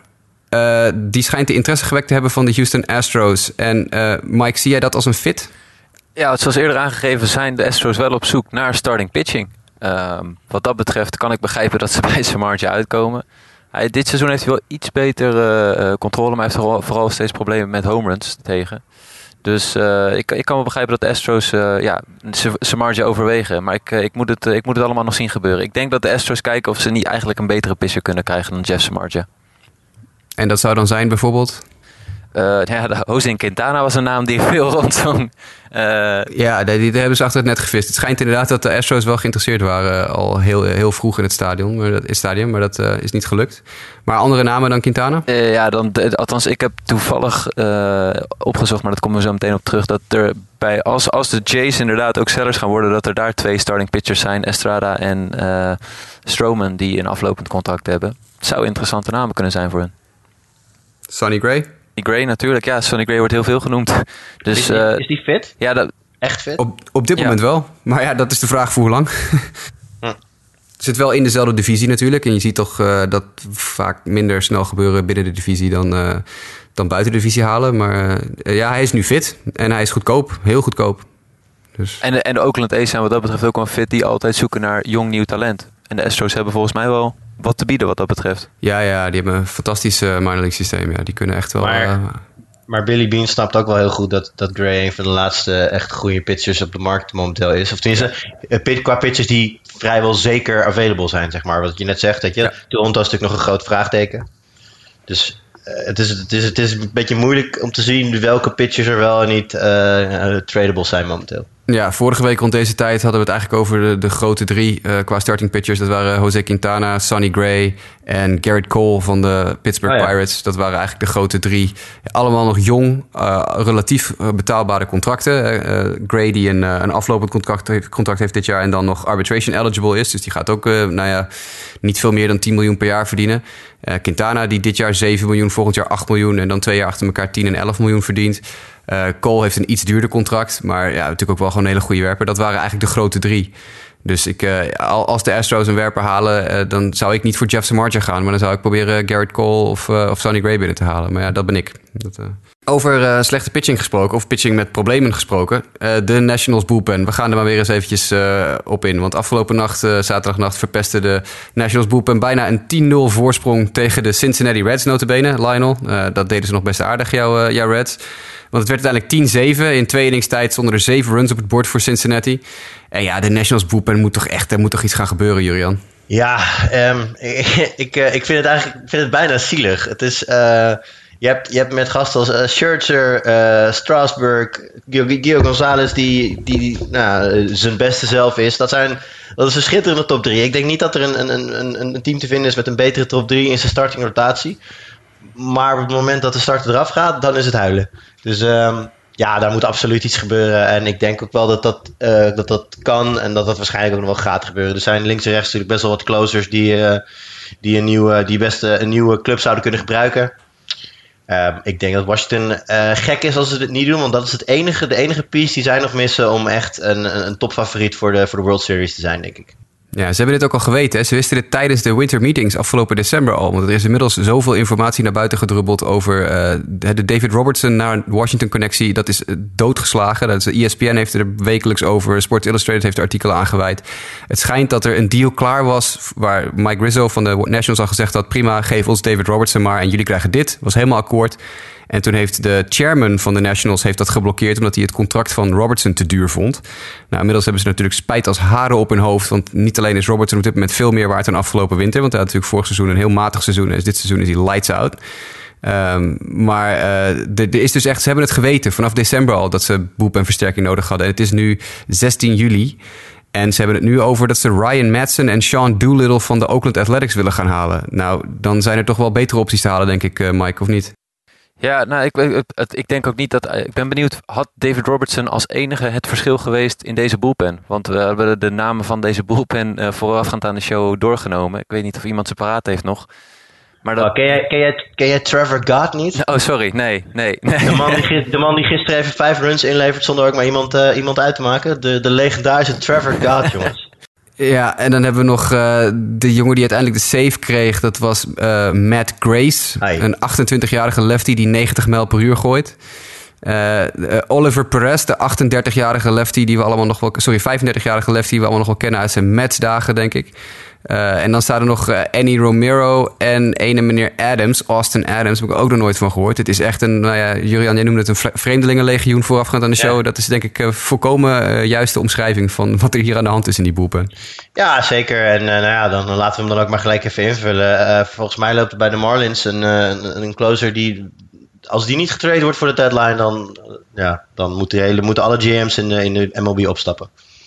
Ja, Nee, denk ik ook. En je hebt natuurlijk ook, als je een duo zoekt, want ze hebben het over dat de Nationals nu tenminste, en dat is wat Mike ook terecht zet, het zegt, één is waarschijnlijk niet genoeg. Uh, ze hebben het dus nu over duo's. Dus of Ryan Madsen en Sean Doolittle van de A's. Er wordt gezegd dat David Robertson en Anthony Swarzak. Of David Robertson Tommy Canley van de White Sox. Uh, AJ Ramos die hij aangeeft en Mike Dunn van de Marlins. Dat is ook een prima duo. Uh, moet ook rekening houden, dat zei Mike ook terecht eerder. Zach Britton, zijn contract loopt af in, in Baltimore. Uh, ook een, natuurlijk een van de beste closers in de major op dit moment. Uh, Brad Hand van San Diego zit in de uitverkoop. En ja, iedereen in de San Diego bullpen is beschikbaar. Dus als je er twee wil hebben, kan je er ook twee krijgen, denk ik. In, in mijn ogen is Fernando Rodney ook beschikbaar. ja, dat kan ik me heel goed voorstellen. Ja. Of daar nou heel veel interesse in is, weet ik niet. Uh, Raisel Iglesias is de laatste twee weken een paar keer genoemd uh, van de Cincinnati Reds. Dus ik weet niet of Lionel daar een, uh, een visie op heeft. Ja, als je, ik zou hem liever in Cincinnati houden, maar als je hem kan krijgen, zou ik het zeker doen. Ja, nou, dat is, dus er zijn inderdaad... Uh... Eén slechte week gehad, één slechte week gehad, even over Iglesias nog. Eén slechte week gehad en verder gewoon top dit jaar, absoluut. Nou, er zijn dus inderdaad mogelijkheden genoeg, wat Jurian ook zegt. Maar er moet onderhand wel iets gebeuren. Ja, denk ik, denk ik wel. Alleen, um, ja, je zegt gelijk, er moeten er twee zijn. Nou ja, ik weet niet, als je in de play-offs straks Scherzer gewoon acht innings laat gooien, dan heb je er maar één nodig. Ja, dat is waar. Je hebt natuurlijk drie starters die je in de, op dit moment in de play-offs uh, wel kan hebben inderdaad. Met Scherzer, Strasburg en uh, Gio Gonzalez. Um, maar ja, je hebt toch liever iets meer, ja, iets meer zekerheid, denk ik, aan het eind van de rit. Dat, uh, je weet maar nooit wat er gebeurt. En het probleem heb je anders nog met extra innings, dat je ook nog een... Ja, precies. Of Trevor God dan in één keer in moet zetten in de tiende of, Of Scherzer krijgt een bal op zijn hand en moet in de tweede inning van het veld ja. af, weet je wel. Dat, uh, dat, dat oh, ik mag, ik mag echt leiden dat Trevor God straks ineens lights out is in de playoffs, jongen. Dat hij gewoon... Uh, ja, dat zou wat zijn, ja. Trevor God, ja, we zullen hem uh, goed Hij heeft momenteel uh, officieel twee innings gegooid dit jaar en een 45.0 ERA. Ja, nou, ik denk dat Trevor God binnenkort weer eventjes uh, de Syracuse Chiefs mag gaan helpen, niet de Washington Nationals. Um, dan sluiten we ons blokje nieuws en notes af, heren. Zoals altijd met de blessures. En zoals altijd is dat aan Mike om ons bij te praten over het wel en wee van de blessureperikelen van de verschillende teams. Yes, laten we er snel doorheen gaan. En dan beginnen we bij Washington. Want starting pitcher Joe Ross heeft een thick full tear, dus een volledige scheur volgens mij dan, van zijn UCL en krijgt Tommy John surgery. Dus dat is slecht nieuws voor de starting rotation van de Washington Nationals. Uh, een andere pitcher die vergelijkbaar nieuws heeft gekregen is Michael Pineda van de New York Yankees. Hij heeft een uh, partial tear van zijn UCL. En hij heeft uh, als advies gekregen Tommy John surgery, maar kijkt nog voor een second opinion. Maar beide pitchers zullen dit seizoen in ieder geval niet meer in actie komen. Uh, is de verwachting. En dan gaan we naar Nate Jones van de Chicago White Sox. Gaat ook dit seizoen niet meer in actie komen. Hij heeft een zenuwoperatie in zijn elleboog. Dus ook die gaan we niet terugzien. Een andere starting pitcher, ja, we blijven bij de starting pitchers, is Tyler Chatwood. Die verliet gisteren nadat hij drie keer vier wijd had gegooid tegen de New York Mets de wedstrijd. Hij heeft een kuitverrekking en het is nog niet duidelijk hoe lang hij uh, oud zou zijn. Uh, starting pitcher Johnny Cueto van de San Francisco Giants heeft een blister issue. Die heeft wat plaren. Kan mogelijk ook komen door de nieuwe ballen, heb ik uh, recentelijk begrepen. Dat de blister issues op dit, dit seizoen een stuk meer spelen. Uh, hij staat op de 10-day DL en Bruce Bochy heeft aangegeven dat hij hoopt dat uh, Cueto slechts twee starts hoeft te missen. Dan gaan we naar wat position players. Lonnie Chisenhall, de outfielder van de Cleveland Indians. 10-day disabled list, ook een kuitblessure. Steven Piscotty van de St. Louis Cardinals heeft een liesblessure. 10-day disabled list. En Byron Buxton heeft met een liesblessure, is hij ook naar de disabled list gegaan voor de Minnesota Twins. Uh, we hebben een paar spelers die de komende week ook terug gaan komen. Eén daarvan is John Leckie.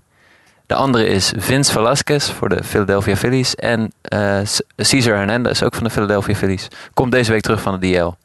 Dus uh, tot zover de blessures eigenlijk. Nou, het, uh, het, rijtje is wat korter dan het wel eens geweest is, inderdaad. Maar ook wel langdurige blessures. Met, met Joe Ross, die er het seizoen uit is. En Pineda, die er het rest van het seizoen uit is. En Nate Jones ook met die operatie in zijn elleboog. Dan tot zover het eerste blok. We gaan buy or sell doen, Mike, zo meteen. Jij mag helemaal losgaan. Maar eerst even dit.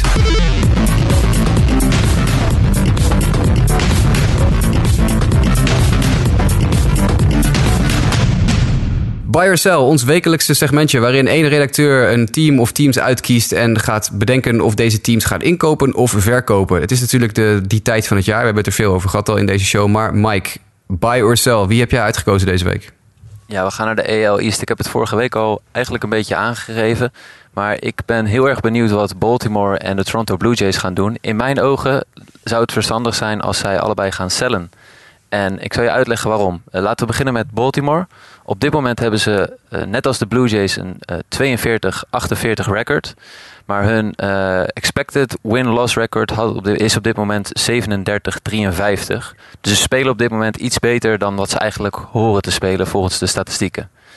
Als je dan kijkt naar de onderliggende statistieken van hoe ze dan hitten en pitchen op dit moment, dan valt gewoon op dat de starting pitchers op dit moment, we hebben het vaker erover gehad, gewoon echt de slechtste zijn van de Major League. Op de, een ERA zijn ze de 29ste, in WHIP de 30ste, in uh, walks de 30ste. Dus de, en de 30ste wil zeggen dat ze het slechtste team zijn, want er zijn 30 teams in de MLB. Qua hits die ze opgeven de 30ste, qua home runs de 29ste. Oftewel, met zo'n starting pitching staf ga je gewoon in mijn ogen niet de playoffs halen. Dus dat lijkt mij op zich wel een, uh, een, ja, een moment dat je of heel erg moet gaan baaien, maar dan moet je wel heel veel erbij gaan halen in, mijn ogen. Uh, of je gaat kijken van welke spelers hebben we van wie het contract afloopt. En kunnen we daar misschien uh, wat interessante talenten voor terugkrijgen die ons voor komend seizoen betere kansen geven. Nou, als je dan kijkt naar de Baltimore Orioles. Ubaldo, heeft een, Ubaldo Jimenez, de starting pitcher, heeft een aflopend contract. Je weet niet echt wat je daarvoor krijgt, maar mogelijk dat er teams geïnteresseerd in zijn. Uh, en er zijn de laatste dagen best wel wat geruchten over dat Manny Machado en Zach Britton uh, mogelijk uh, geruild worden tijdens de trade deadline. Ik ben benieuwd wat jullie daarvan denken, maar in mijn ogen zouden dat wel namen zijn waar ze zeker wat voor terugkrijgen. Mag ik hopen, ja.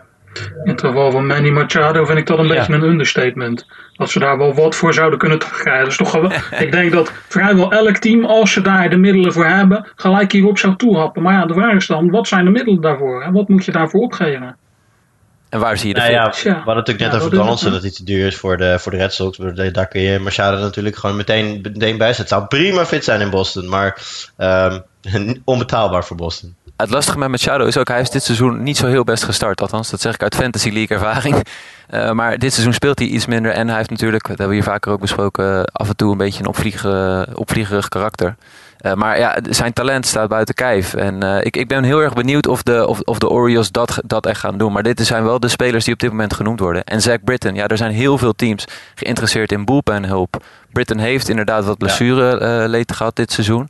Maar goed, als hij fit is, dan is hij zeker voor iedere bullpen denk ik een versterking. Bijvoorbeeld de Nationals. Ja, bijvoorbeeld. Maar ik denk trouwens dat ik er nog eens over nadenken dat Machado niet getrade gaat worden. Want um, wat, wat je daarvoor nu moet betalen als club zijnde, uh, als je dat dan legt naast dat hij toch al minder sterk begonnen is dit jaar en uh, de, de, de, off-the-field uh, gedragsproblemen die er nog wel eens bij komen kijken, dan denk ik niet dat je die investering nu gaat doen. Zie jij de Baltimore Orioles wel de, de play-offs halen? Want ik zie dat eigenlijk nee. Nee, het is volledig kansloos. Ja. Ja, dat denk ik ook. Maar Eh, dan het andere team. Ja, nee, ga door. Nee, ik bedoel, ik, wil, ik, denk ook, ik denk best dat Baltimore heel graag Machado wil treden. Ik denk alleen dat het pakket wat zij daarvoor willen hebben nu niet uitgegeven gaat worden door iemand anders. Gewoon om wat ik net zei. True. Eh, dan het andere team. Ik zeg de Toronto Blue Jays. Die hebben, zoals ook gezegd, een 42-48 record. En hun expected win-loss op dit moment is 38-52. Dus ook zij spelen wat beter dan gedacht. Ze hebben natuurlijk die verschrikkelijke start gehad van het seizoen. Waarbij ze heel slecht uit de startblokken kwamen. Zijn heel erg goed bijgekomen op dit moment. Beide teams hebben ook eh, maar een kleine achterstand op zich op de wildcard eh, eh, plek. Maar als je dan kijkt naar Toronto.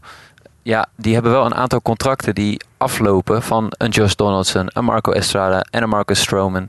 En dat zijn spelers die echt wel heel interessant zijn om te traden, om goede pieces voor terug te krijgen, zodat je ook de komende jaren kan, eh, ja, kan contenden.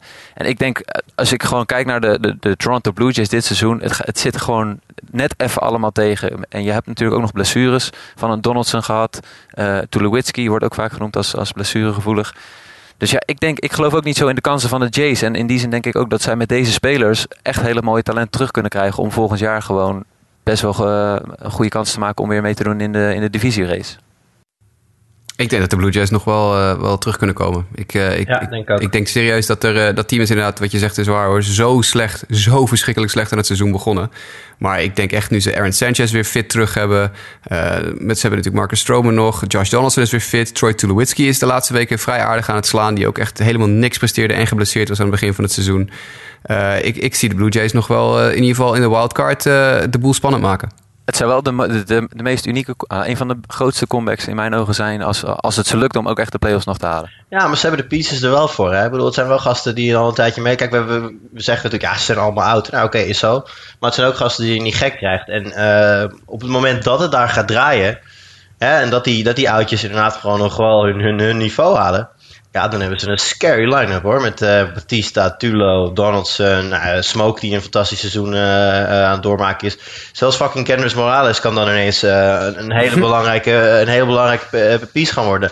Nou, hun rotatie is niet, is niet, weet je, kijk, ze hebben geen, geen Sale of een Kershaw of whatever. Maar met, voor, voor, voor een Estrada en een Stroman hoef je je ook niet te schamen. En wat je net zegt, Aaron Sanchez weer fit. Nou ja, dat is natuurlijk een vraagteken wat, wat, wat die gaat doen. Maar eh, dat hij het talent heeft, dat, dat, dat weten we. Ehm, ik denk dat het voor Toronto nu nog te vroeg is om te zeggen van wij gaan cellen. Ik denk, eh, ik denk wel dat het... ehm, dat ook zij nog wel beseffen dat het een beetje een vraagteken is. En dat ze het gewoon van dag tot dag, slash week tot week bekijken.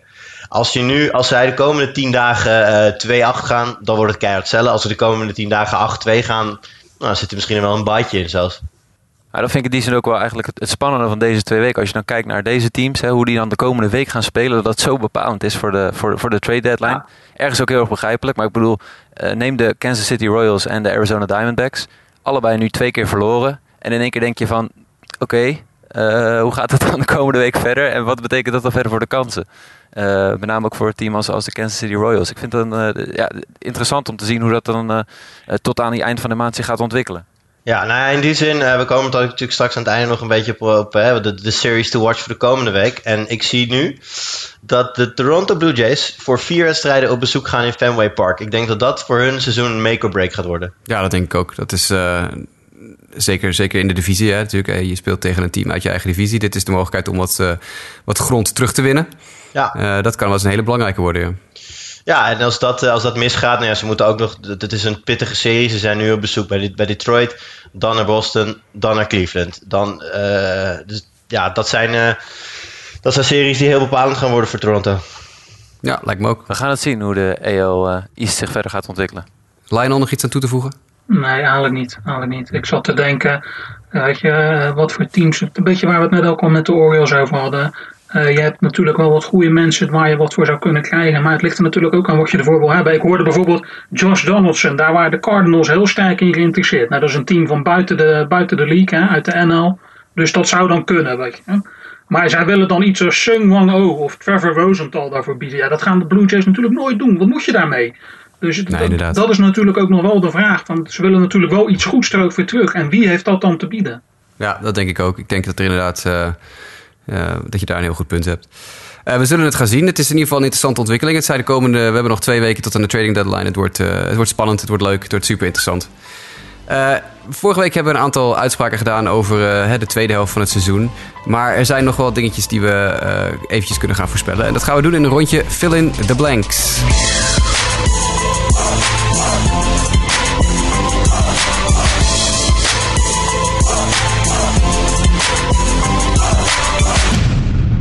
En de eerste fill in the blank is voor Mike. Mike, de manager van de Puntje Puntje, wordt als eerste ontslagen. Welke manager gaat als eerste op het hakblok? Laat ik dan vooraf wel zeggen dat dit komt van, althans, van iemand die voorspelde dat Tanaka dit seizoen de ja, Cy Young zou winnen. Eh, maar ik denk dat de manager die als eerste wordt ontslagen Terry Collins gaat zijn van de New York Mets. En ik zal vertellen waarom. Eh, in het honkbal is het gewoon zo, in iedere sport, op een gegeven moment zit het tegen en dan wil gewoon front office change hebben. De Mets hebben echt zoveel blessureleed gehad en zoveel pech. Dat kan je de manager niet kwalijk nemen. Maar ik denk toch dat op een gegeven moment ze gaan proberen op een schokeffect of iets dergelijks. En dat Terry Collins dan de man is waarop hij, eh, ja, die als eerste ontslagen gaat worden. Dus eh, ze draaien op dit moment gewoon niet goed. Eh, als ze de wildcard willen gaan pakken, dan moeten ze echt bijschakelen. Maar ik, eh, ik, ik denk dat hij uiteindelijk eh, verantwoordelijk wordt gehouden voor deze resultaten. En dat, ze, dat hij de eerste gaat zijn die, eh, die ontslagen zal worden. Lionel, wie, eh, wie ga jij, op wie zou jij je geld zetten? Ja, vooraf in de voorbespreking zei ik natuurlijk al dat ik dit een hele moeilijke vraag vond. Ik heb niet het idee dat er een team heel erg bij gebaat is om een, een, eh, een manager nu te ontslaan. Maar toen werd geopperd de Phillies. En daar kan ik dan nog wel in meegaan. Als je daar kijkt wat daar gaande is. Met dat heen en weer gegooien in die line-up en zo. Het lijkt wel een beetje uitgewerkt. En de Phillies, ja. De kunnen toch geen kant meer op. Dus dat, dat zou wel een goede zijn om daar dan de manager eens even eruit te schuiven. Ja, ik heb ook niet het idee dat Pete McCann bij eh, de, de Phillies heel erg goed is met jeugd, met jonge spelers. En de Phillies zijn natuurlijk een youth movement aan het doen op dit moment. En ik heb niet het idee dat McCann daar de juiste man voor is. Dus ik eh, kan daar zeker in meegaan. Eh Julian, jouw, eh, jouw gok. Nou, ik hadden het eh, net ook in de voorbes- voorbespreking even over. Ik, eh, ik, ik vraag me af of de, of de Los Angeles Angels niet beter af zijn zonder Mike Socia. Die man zit er echt al der- 300 jaar. Ehm, tegelijkertijd is dat ook een beetje de reden dat ik niet verwacht dat hij echt ontslagen gaat worden. Ik bedoel, zo iemand die zo lang voor je club heeft gewerkt. als je al van hem af wil, dan doe je dat gewoon netjes in het offseason, denk ik. En zoals jullie terecht al aangeven, Socia runt die hele club zo ongeveer. Dus eh, tenzij hij zichzelf ontslaat, zal hij niet snel ontslagen worden. Maar ja, als ik het voor het zeggen had, zou ik de Angels wel eens een keer willen zien onder, onder nieuw management. Want de laatste keer dat de Angels echt een rol van betekenis hebben gespeeld, is een hele tijd geleden. En ze hebben wel gewoon ja, de, de, de, de lock voor de, voor de MVP voor de komende jaren eh, in, de, in de gelederen. Dan is het toch wel raar dat je, dat je daar niet iets, mee, iets meer mee kan presteren. Nee, dat eh, ben ik met je eens. Ik ga voor eh, Brad Osmus van de Detroit Tigers. Want dat zit al jaren op de hot seat. Er wordt al jaren, elk seizoen presteert die club niet wat van ze verwacht wordt. Enorme payroll waar al jaren niks uitkomt eigenlijk. Geen successen. Eh, ik weet ook van heel veel Tigers fans, sorry, van heel veel Tigers fans dat ze eh, ja, behoorlijk eh, zat zijn van Brad Osmus. Dus het zou mij niet verbazen als in de loop van dit seizoen of net na het seizoen Brad Osmus van de Tigers de deur gewezen wordt. De volgende blank. Oh, sorry, ja, zeg maar. John Gibbons? Hangt heel erg af, denk ik, van wat er nu in de tweede helft gebeurt. Hè? Wat in het tweede deel van het seizoen gebeurt. Als inderdaad, wat, wat, wat sommige mensen onder ons denken, dat de, de, de boel omgekeerd wordt, dan redt hij het. Eh, en gebeurt dat niet, dan kan het wel eens een keer een penibele zaak eh, worden voor hem. Ja. Het, het verhaal, wat was de payroll? 163 ja, miljoen? het verhaal is wel inderdaad dat ze dit seizoen bijna 30 miljoen extra op payroll op het openingsday roster hadden staan. En ja, dan is het nog wel eens dat er naar de manager gekeken wordt van wat heb je gedaan met onze investeringen? Ja, het zou, niet, eh, het zou niet gek zijn. Hebben we ook al eerder besproken, volgens mij, John Gibbons, dat hij eh, eh, ja, toch wel door periodes gaat dat je gaat twijfelen aan, aan zijn job security. De volgende fill in the blank, die beginnen we bij Jurian. De puntje puntje are for real. Tampa Bay Rays. Ja, mooi. Vind ik een hele mooie keus. Ja, het, ehm, ehm, als je, dat- het grappige is als je naar de race kijkt en je kijkt naar een roster, dan, dan heb je niet gelijk het idee van wauw, dit is echt een, dit is echt een, een star-studded eh, team. Maar dat zijn de race nooit geweest. Ik bedoel, hè, eh, gewoon in, in, de, in de een jaartje of eh, hoe lang is het geleden dat ze iedere keer weer die EL de- meededen om de pennant en zo. 2008 Nee, Ja, nou, die, dat tijdperk inderdaad, dat de jongens als Price net doorkwamen en zo. Oh, weet je, dat waren ook allemaal relatief goedkope spelers. En iedere keer slagen ze daar op een of andere manier in om met relatief weinig middelen toch een, een, een winnend team neer te zetten. Nou Ja, ze draaien nu lekker. tweede, in, eh, tweede in de AL East. Eh, gewoon geen, geen, geen wereldspelers, maar wel gewoon een hele degelijke starting pitching. eh, goed genoeg line-up. Eh, ja, ik, ik heb zeer, zeker het idee dat die for real zijn en zich eh, richting het einde van het seizoen gaan mengen om de strijd. eh, nou, of, ze, of ze Boston van de titel kunnen afhalen in de divisie, weet ik niet. Maar ze gaan zeker een, eh, een hele goede poging doen, denk ik. Mike, wie, eh, wie gok jij? Ik sluit me daarbij aan. Nou, Heel kort. Ja, vind ik mooi. Lionel? De Minnesota Twins. Kijk, ja, dat zou ook nog best kunnen natuurlijk. Die, eh, Ja, snap ik. Bartolo Colon. Hey, wat denk jij dan? Minnesota Twins, Bartolo Colon, match made in heaven. Dit gaat hem worden, jongens. Ja, nou dan, eh, dan zet ik nog eventjes wat aandacht eh, richting eh, de Colorado Rockies. Die natuurlijk een hele slechte stretch hebben nu. Die echt eh, vlak voor de All-Star break eh, ja, heel dramatisch voor de dag kwamen. Ehm, maar ja, die hadden als laatste serie voor de All-Star break een eh, serietje tegen de White Sox. En eh, dat was een eitje. Dus eh, ik denk dat ze weer op, het, op, het, op, het weg terug, op de weg terug zijn. En ik denk dat die eh, behoorlijk for real zijn. Ondanks dat ze zo'n jonge pitching staff hebben. Waar ook hier en daar een blessuretje begint op te kruipen nu. verwacht ik nog wel wat wildcard lawaai van de Colorado Rockies. Dan, de puntje, puntje, puntje hebben serieuze problemen in 2017 en erna. Ik pak hem als eerst en dan gooi ik hem weer naar de Tigers. Het lijkt wel alsof ik eh, een rivaliteit met de Tigers heb opgebouwd eh, door de jaren heen. Dat kan ik misschien wel een klein beetje. Maar enorme payroll, iedereen hartstikke oud of geblesseerd. De talenten, de, de paar jonge talenten die ze hebben, gaan eruit. JD Martinez, die zal nog wel eens een keer verkocht kunnen worden in de komende paar weken. Eh, en ze hebben geen minor league systeem over, echt nul. Dus ja, de Detroit Tigers hebben serieuze problemen in eh, 2017 en erna. Want ze gaan dit seizoen niks winnen. En het ziet er de komende 5, 6 jaar niet goed uit voor ze. Ja, terecht. Ik denk het ook. Eh, althans, heb je een goed punt. Ander team, Mike. Eh, wat, eh, wie hebben er meer problemen? De Philadelphia Phillies, ja, daar, dat, dat zit er gewoon niet snel in eh, dat daar heel veel succes komt eh, in de, op de korte termijn. Dit seizoen gaat het niks worden. Dat eh, kunnen we nu denk ik wel voorzichtig concluderen. En ja, ook als je de, de, de trade rumors nu hoort. Ik, ik heb vorige week gehoord dat ze achter Christian Yelich aan zitten. Ja, ik vraag mij heel erg af of je met een Christian Yelich je franchise aan het opbouwen bent. Het is een goede speler, maar ik denk niet echt dat het echt een, een cornerstone is die je team in één keer naar een, een 500 record of zo gaat krijgen. Dus en, eh, ja, ik, ik zie dat niet gebeuren.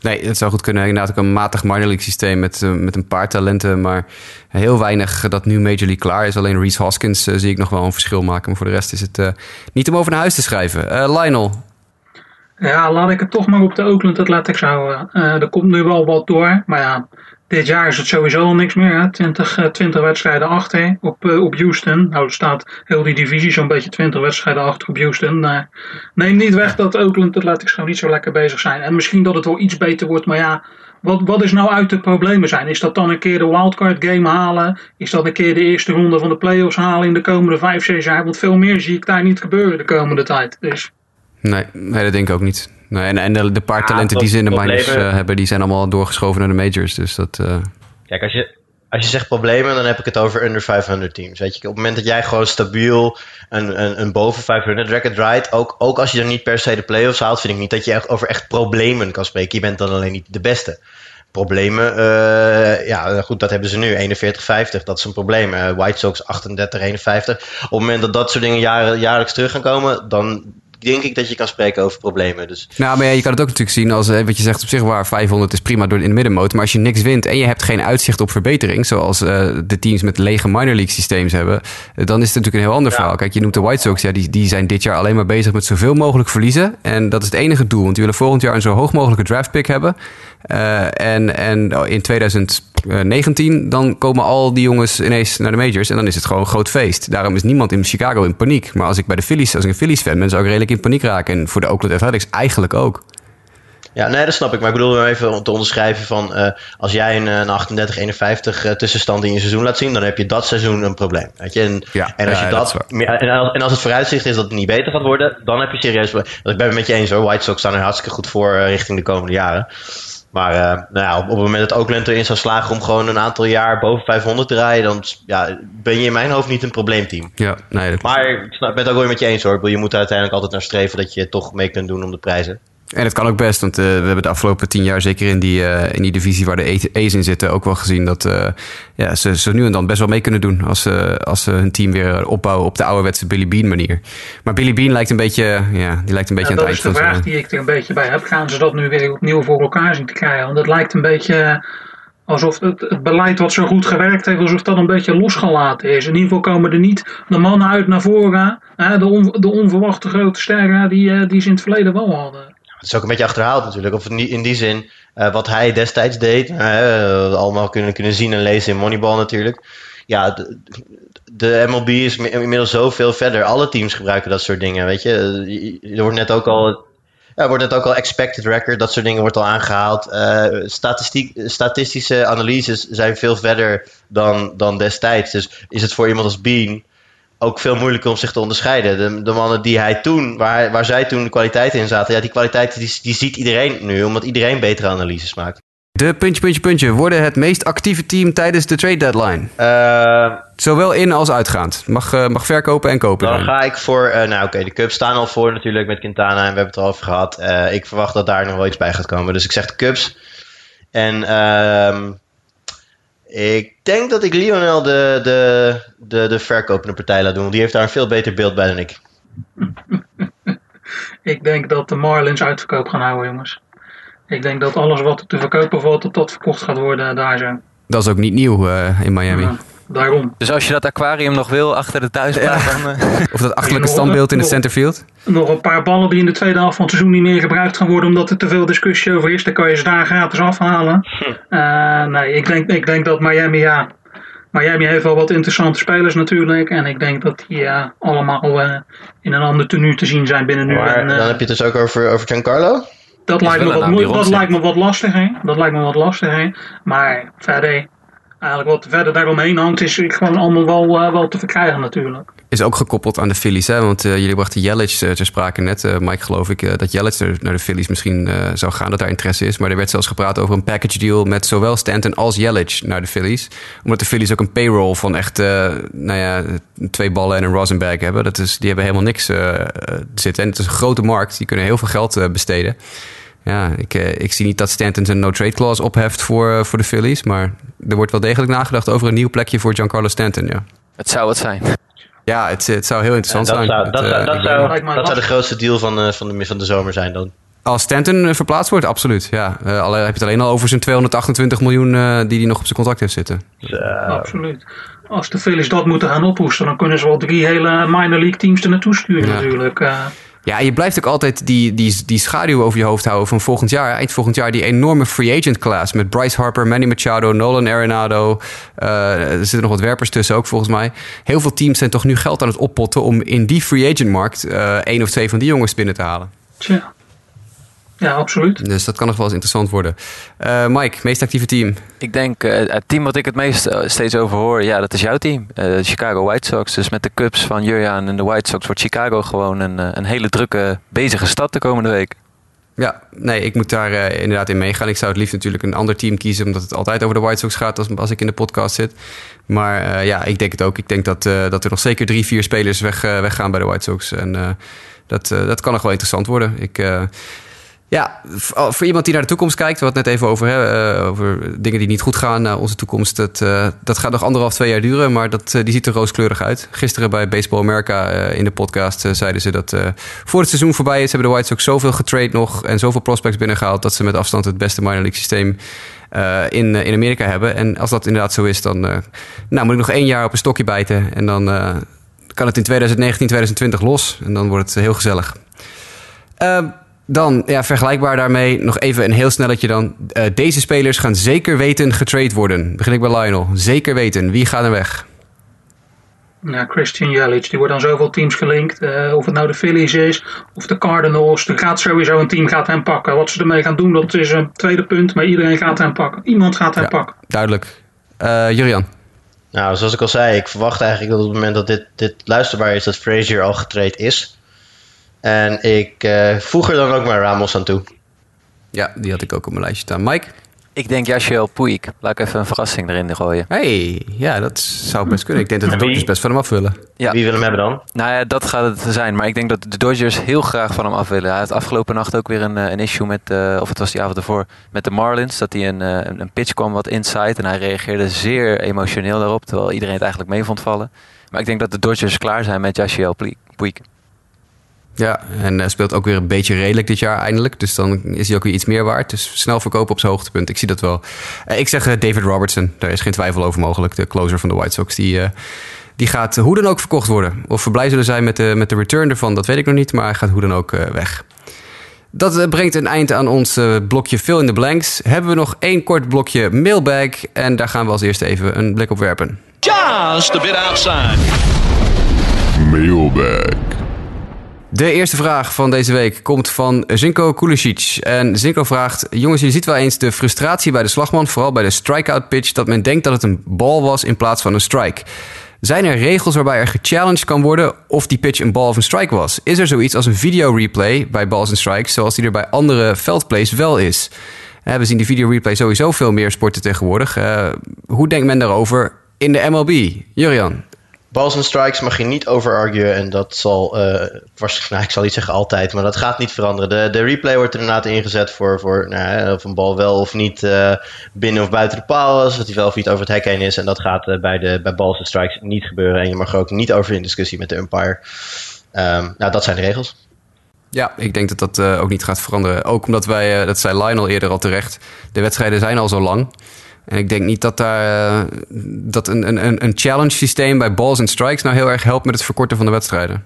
En heb je elke, beurt, elke slagbeurt heb je een challenge. Precies, MLB is natuurlijk heel erg op zoek naar het verkorten van wedstrijden. Onder meer om ze mooi in tv-blokken van een uur te krijgen. En als jij dan natuurlijk daar 2,5 uur discussie over elke bal of strike aan gaat toevoegen, ja, dan, eh, dan, dan ben je natuurlijk averechts bezig. Ik denk dat er eerder, waar we het ook al in onze voorbespreking over hadden, een systeem komt waarbij het, het, het, het tellen van de balls en de strikes volledig geautomatiseerd gaat worden naar een computer toe. Dat dat eerder nog gaat gebeuren dan dat we hier eh, video replay regels Ja. over gaan. Ja, ik, ik zie dat ook eerder gebeuren dan video repl- replays, maar ik zie het niet gebeuren.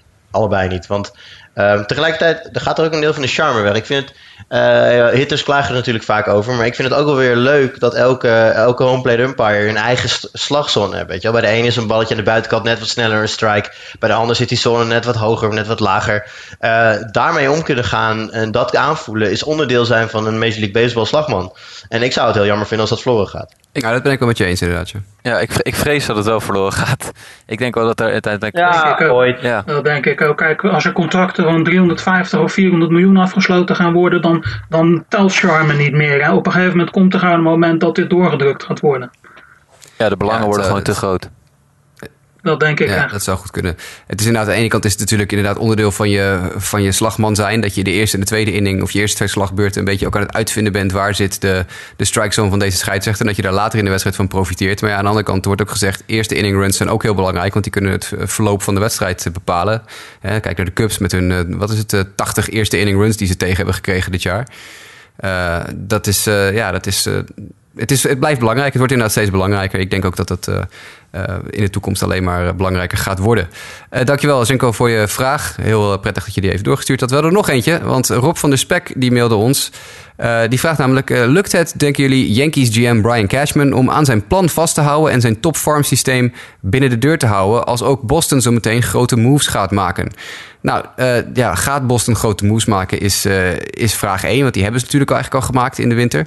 Maar is, eh, is het, denk jij Mike, eh, gaat het Yankees GM Brian Cashman lukken... om zijn plan en zijn farmsysteem binnen de deur te houden? Ja, ik vind het echt een hele interessante vraag. Ehm, als ik kijk naar de Yankees, hebben ze mijn verwachtingen enigszins overtroffen. En hadden we niet gedacht, althans ik niet, dat zij nu in deze playoff hunt eh, zo dichterbij zouden zitten. Het feit is wel dat zij op dit moment te maken hebben met echt een paar ja, gaten in hun roster. Eh, eerste honk is bijvoorbeeld eentje. En ook het wegvallen van Michael Pineda en de bullpen, hoe die is. Ja, ze moeten echt, als ze echt serieus mee willen doen dit jaar, dan zullen ze echt wat moeten gaan halen. En dan moeten ze dat farmsysteem eh, ja, gaan, eh, gaan ruilen voor, eh, voor kwaliteitsspelers. Ik zou het in hun positie niet doen. Ik zou gewoon blij zijn met waar je staat. Kijken hoe ver je komt. Accepteren dat je eventueel net de play-offs gaat missen. En dan gewoon kijken hoe je volgend seizoen daarop door kan bouwen. Dus dat zou mijn advies zijn. Ik, ik, ik denk eigenlijk dat Cashman ook dat gaat doen. Nee, helemaal, helemaal mee eens. Ik, eh, we hadden het in de voorbespreking eventjes nog over dat ze misschien hun bullpen zouden moeten gaan, eh, gaan aanpakken. Omdat, eh, nou, de Yankees, we hadden het net al even over de Nationals bullpen die zo slecht is. Nou, die van de Yankees is net zo slecht. Die hebben allebei volgens mij nu inmiddels 18 of 19 blown saves on the season. Wat in een half seizoen natuurlijk ongelooflijk veel is. Alleen, eh, ik, ik denk niet dat de oplossing voor de Yankees ligt in het halen van nieuwe armen. Ik bedoel, als zij Osuna zullen kunnen halen en het, en het kost niet al te veel, dan zullen ze het misschien niet nalaten. Maar, of uh, niet Osuna, maar Ramos. Maar ja, weet je, Betances en, en, en Chapman, uh, nog, geen, nog geen twee jaar geleden vielen over elkaar heen om te roepen hoe fantastisch die bullpen van de Tulip Miller er ook nog tussen.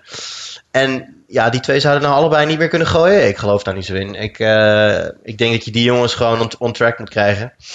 En dat je daarmee veel meer gaat winnen dan, dan dat je nu ineens uh, als een kat in het nauw uh, ineens een closer gaat halen. Dus nee, ik, ik, ik, zie, ik, zie, ik verwacht niet zo heel veel van, van New York momenteel in de, in de deadline. Maar het blijven de Yankees, je weet het niet. Ja, het zijn... Ik sluit me hier volledig bij Het is inderdaad de Yankees en de Yankees. En als uh, Hal Steinbrenner het op zijn heupen krijgt, dan is het ineens, uh, ineens raak hoor. Dat, daar kan je van uitgaan.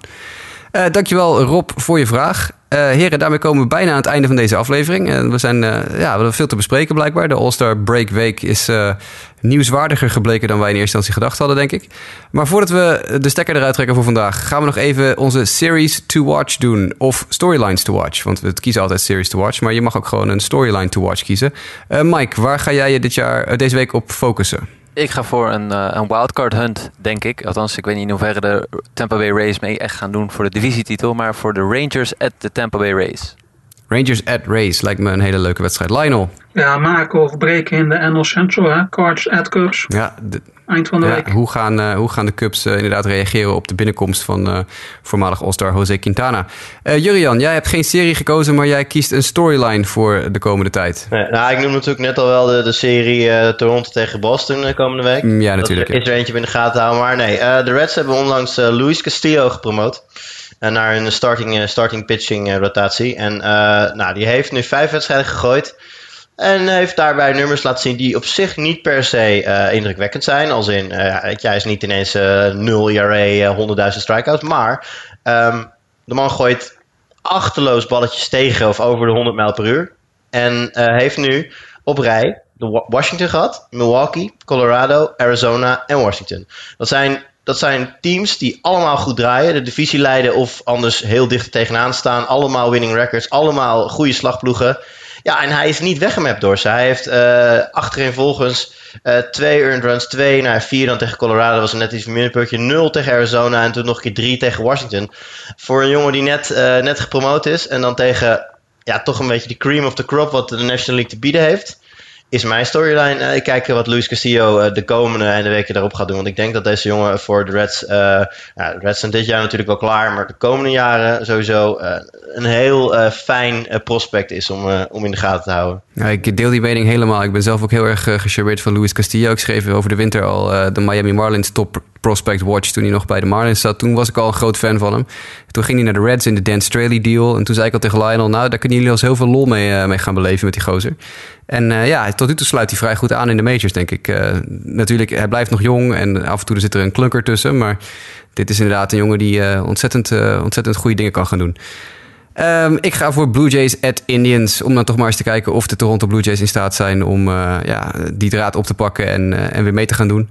En de Indians die natuurlijk hun eerste plek in de AL Central te uh, verdedigen hebben. Ja, dat is dan dus, aansluitend inderdaad op, op Blue Jays at Red Sox. Dus dat zijn zeven dagen die de Blue Jays... Ja. nou ja, ik denk dat we na die zeven dagen kunnen zeggen of de Blue Jays sellers of buyers zijn. Nou, volgende week terug over de Blue Jays dan maar. dat is het, het einde van de show. Uh, heren, ontzettend bedankt voor jullie aanwezigheid. Jurian, dankjewel dat je uh, ingesprongen bent uh, in Justin's afwezigheid. Geen probleem. Hartstikke leuk.